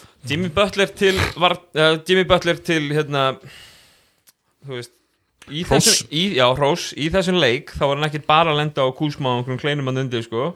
Hann var, ég, þú veist, hann var alveg að lenda á bara sterkum vartamenn það var alltaf einn og einn samt og einn og halvu metri í korfuna, eða tveir metrar. Ja, hann Skilurðu? líka LeBron og hann var að 2003 setja niður rosalega flott feitavegi skot af þessu færi sem að maður var bara, nei, maðurinn er bara að fara að lenda bakinu og boltin er að fara út af. En þá fer hann ofan í, skilur hann er með hann er með leik, sko. Já, en, en, en við verðum svolítið að horfa á kannski einhverju leiti á Jújú, jú, Lakers og adjustments og bla bla bla bla bla bla. En þeir eru all-time framistæði hjá Jimmy Butler. Já. það er ekkert margar svona framistæði við tölum um triple á hann Meni, það er alveg til auðvitað stærri stegaleikir LG Baylor hefur skorað 60 stig í, í, í, úslitum það eru til alveg svona alvöru framistum LeBron James á svona fáránlega leiki á móti voru sem 2015 og 16 þess að hann þurfti að gera allt sko Gleimist á Draymond Green 2016 Já, Draymond Green 2016 Akkurat, þess að Draymond Green, hvað setur hann? 6 staða? Að 37 stegar triple double í leik 7 Ah, það er rosalegt. Gleimist í sögunni. Já, það er að því við höfum Draymond Green fyrir að hafa einmitt þurft að vera í banni í, í, í leiknum undan sko. Þannig að við, við kannski En já, við bara svona fyrst þú segir að það er nú helviti það lítur að vera upp þeir í svona finals En- performances. Það er leiðilegt að, að ná ekki listanum út af arbitreri hann er ekki þremur stigum í við okkur finnst tíu fallegt. Já, en hérna, mér finnst líka sáðu við playið þegar, þegar hérna, Lebron er að koma með signature blokkið sitt og, og hérna, Jimmy Butler núna ég setja hérna, air quotes fyrir allra að fara up and under basically bara setur olbóna sér Já, út það var ekki villa maður. ba nei, menn hann er bara veiðir villuna Já. út í að þú veist, hann er að taka körfubolta play með því að fara þetta up and Þeir under eru olbúin út fyrir hann sko Já, þetta, já, var ekki, mjög skemmtilegt. þetta var ekki ba- basketball reyfing Já, já, Akkur ekki, hann ætlar að reyna að fara up and under og svo kemur James Ég og ætla bara að segja það að ég er búin að sjá þúsund leiki og ég hef ekki séð leikmann gera þetta En hann veitti Lebron. Já, já, hann gerði Hann það. og það vel gert hjá honum, bara mjög vel gert hjá honum sko. Þetta var smart play út í að missa Lebron. Var að koma og hann varði einhvern veginn að verja sig frá blokkinu og reyna að fiska villu Já, Og Lebron Búið ætlaði bara að blokka. Það er það sem hann var að gera það, allan það. leikin hann var búið sé til það. kontakt. En Það er að Áhverju challenge er þetta ekki? Já, Áttu þeir ekki challenge inn í það? Vildi hann ekki minnst að leikliði sitt sjöstuði myndir með tvær myndir eftir? Það var mjög, það var mjög, mjög svona þú veist, það- að mögulega hefði einhvern veginn menn dæmdinn eins og þú segir, skilur undarlegt körubóltaplay Undarlega reyfing á hendina Ég hennar segi það, Já. skilur, getur getu kallað sóknarvill á þetta. Var- Þetta er það sem Jimmy Butler gerir. Hann fer og sækir þessar villur. Hann ætlar ekkit endilega að skora. Nei, nei, Hann fer og sækir þessar villur. Hann, þú veist, ef þú færir hann er að færa keðunar Nákvæmlega, um leið og þú færir Jimmy Butler Um leið og Jimmy Butler er komin einum sentimetr með sína mjöðum Fram hjá þinni mjöðum á leiðinni í áttina að körunni Þá er hann að fara að kasta sér inn í þig Hann er að fara svona Honum tekst einhvern veginn að láta þetta líta út þessu skot En í mörgum tilfættum það er þetta það ekkert sko. En þetta er að sjálfsögðu villa Þetta er að sjálfsögðu Tvö skot Og Lebron James sem mitt var bara pínu svona Hann var bara vittur í gildru Sem hann langaði ekki að vera vittur í Nei. og hann er ekki vanur að vera svona pínu áthugsaður í þessum hlutum. Og ég gerir ráð fyrir brjáluðum Lebron James í næsta leik. Sást líka hvað Jimmy Butler sagði þegar hann rölt á bekkinu eftir leiklið You in trouble.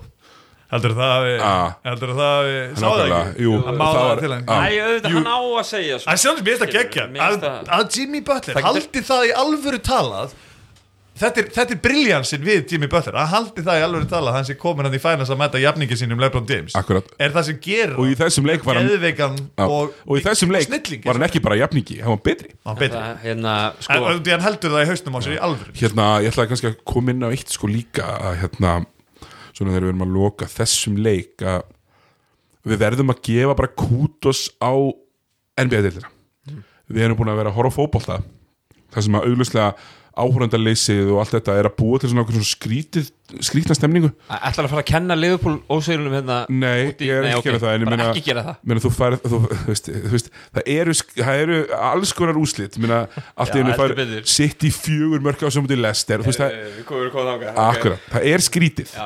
NBA-deildin hefur gert þetta óbúslega vel. Já. þeir eru búin að búa til eitthvað umhverfi og ég er ekkit ég er á því, tvö bestu liðin í úslæðikefninni eru í úslæð Í samanlega það. Er bara þannig, finnst ykkur ekki bara, mér er fara að finnst þetta bara, finnst þetta bara ég, mér finnst þetta Eðlilegt. skemmtilegt.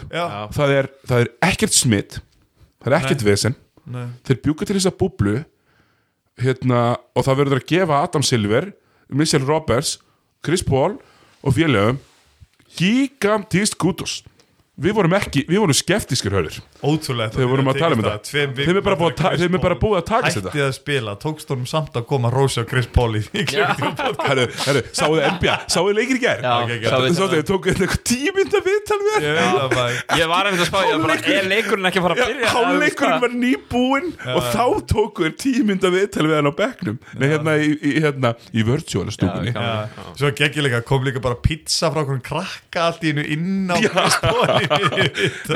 við verðum að rósa þessu fólki af því að við fengum þetta það er ekki að gerast það sem er að gerast í fótboltanum það sem er menn er að detta út og inn í sótkví það sem er að gerast í okkur í dómunasteldina sem menn er að detta inn og út í sótkví.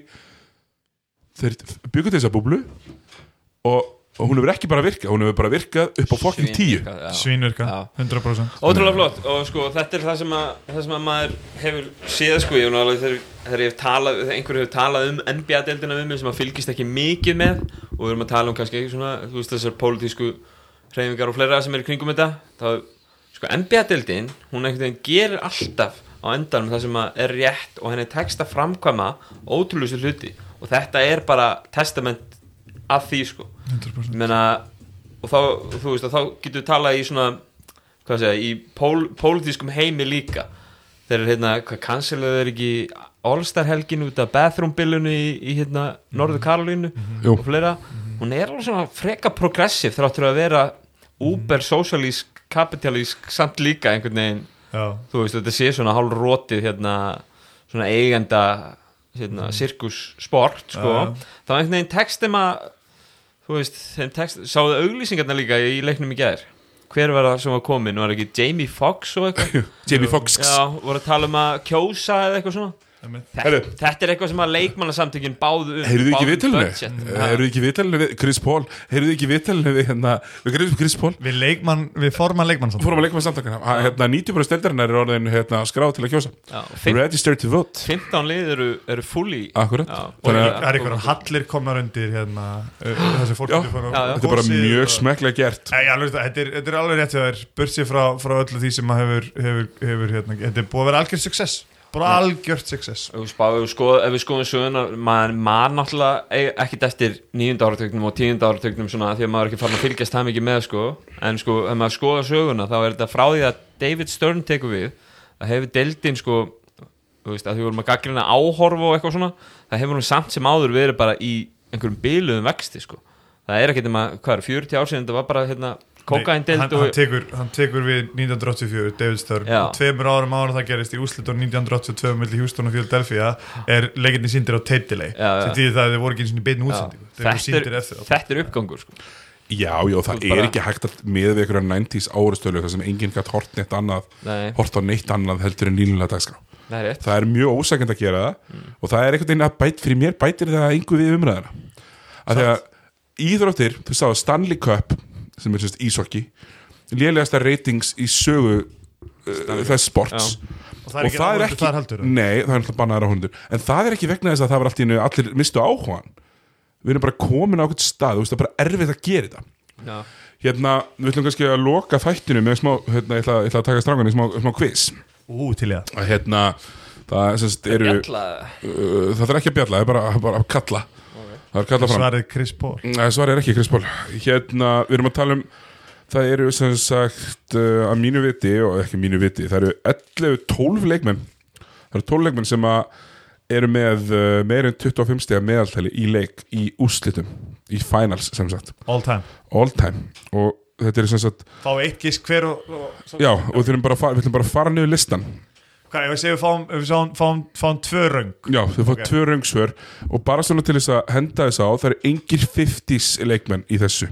Eh, Hvað er fyrsta ári, getur þú ekki okkur það? uh, Já, býtu, maður sjá. Alltaf leið, skil ég Davíð, þú mútt byrja. Hvað hvað var startið? 25 í því 25 stig eða meira í finals. Það er, uh, jú, það er einn það er einn gamall og ég ætla bara að gefa ykkur hann strax.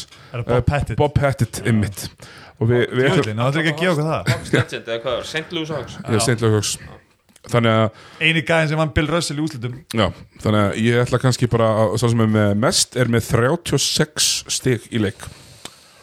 Og við förum frá, já, við förum nýr í 12 þess að sem er 25 stig og við Er ætlum eitthvað bara að fá minimum leikir þarna á þessu? uh, nei, Ok, það er engin minimum leikir. Sömur eru bara búin að komast einu sinni í finals ok, Davíð?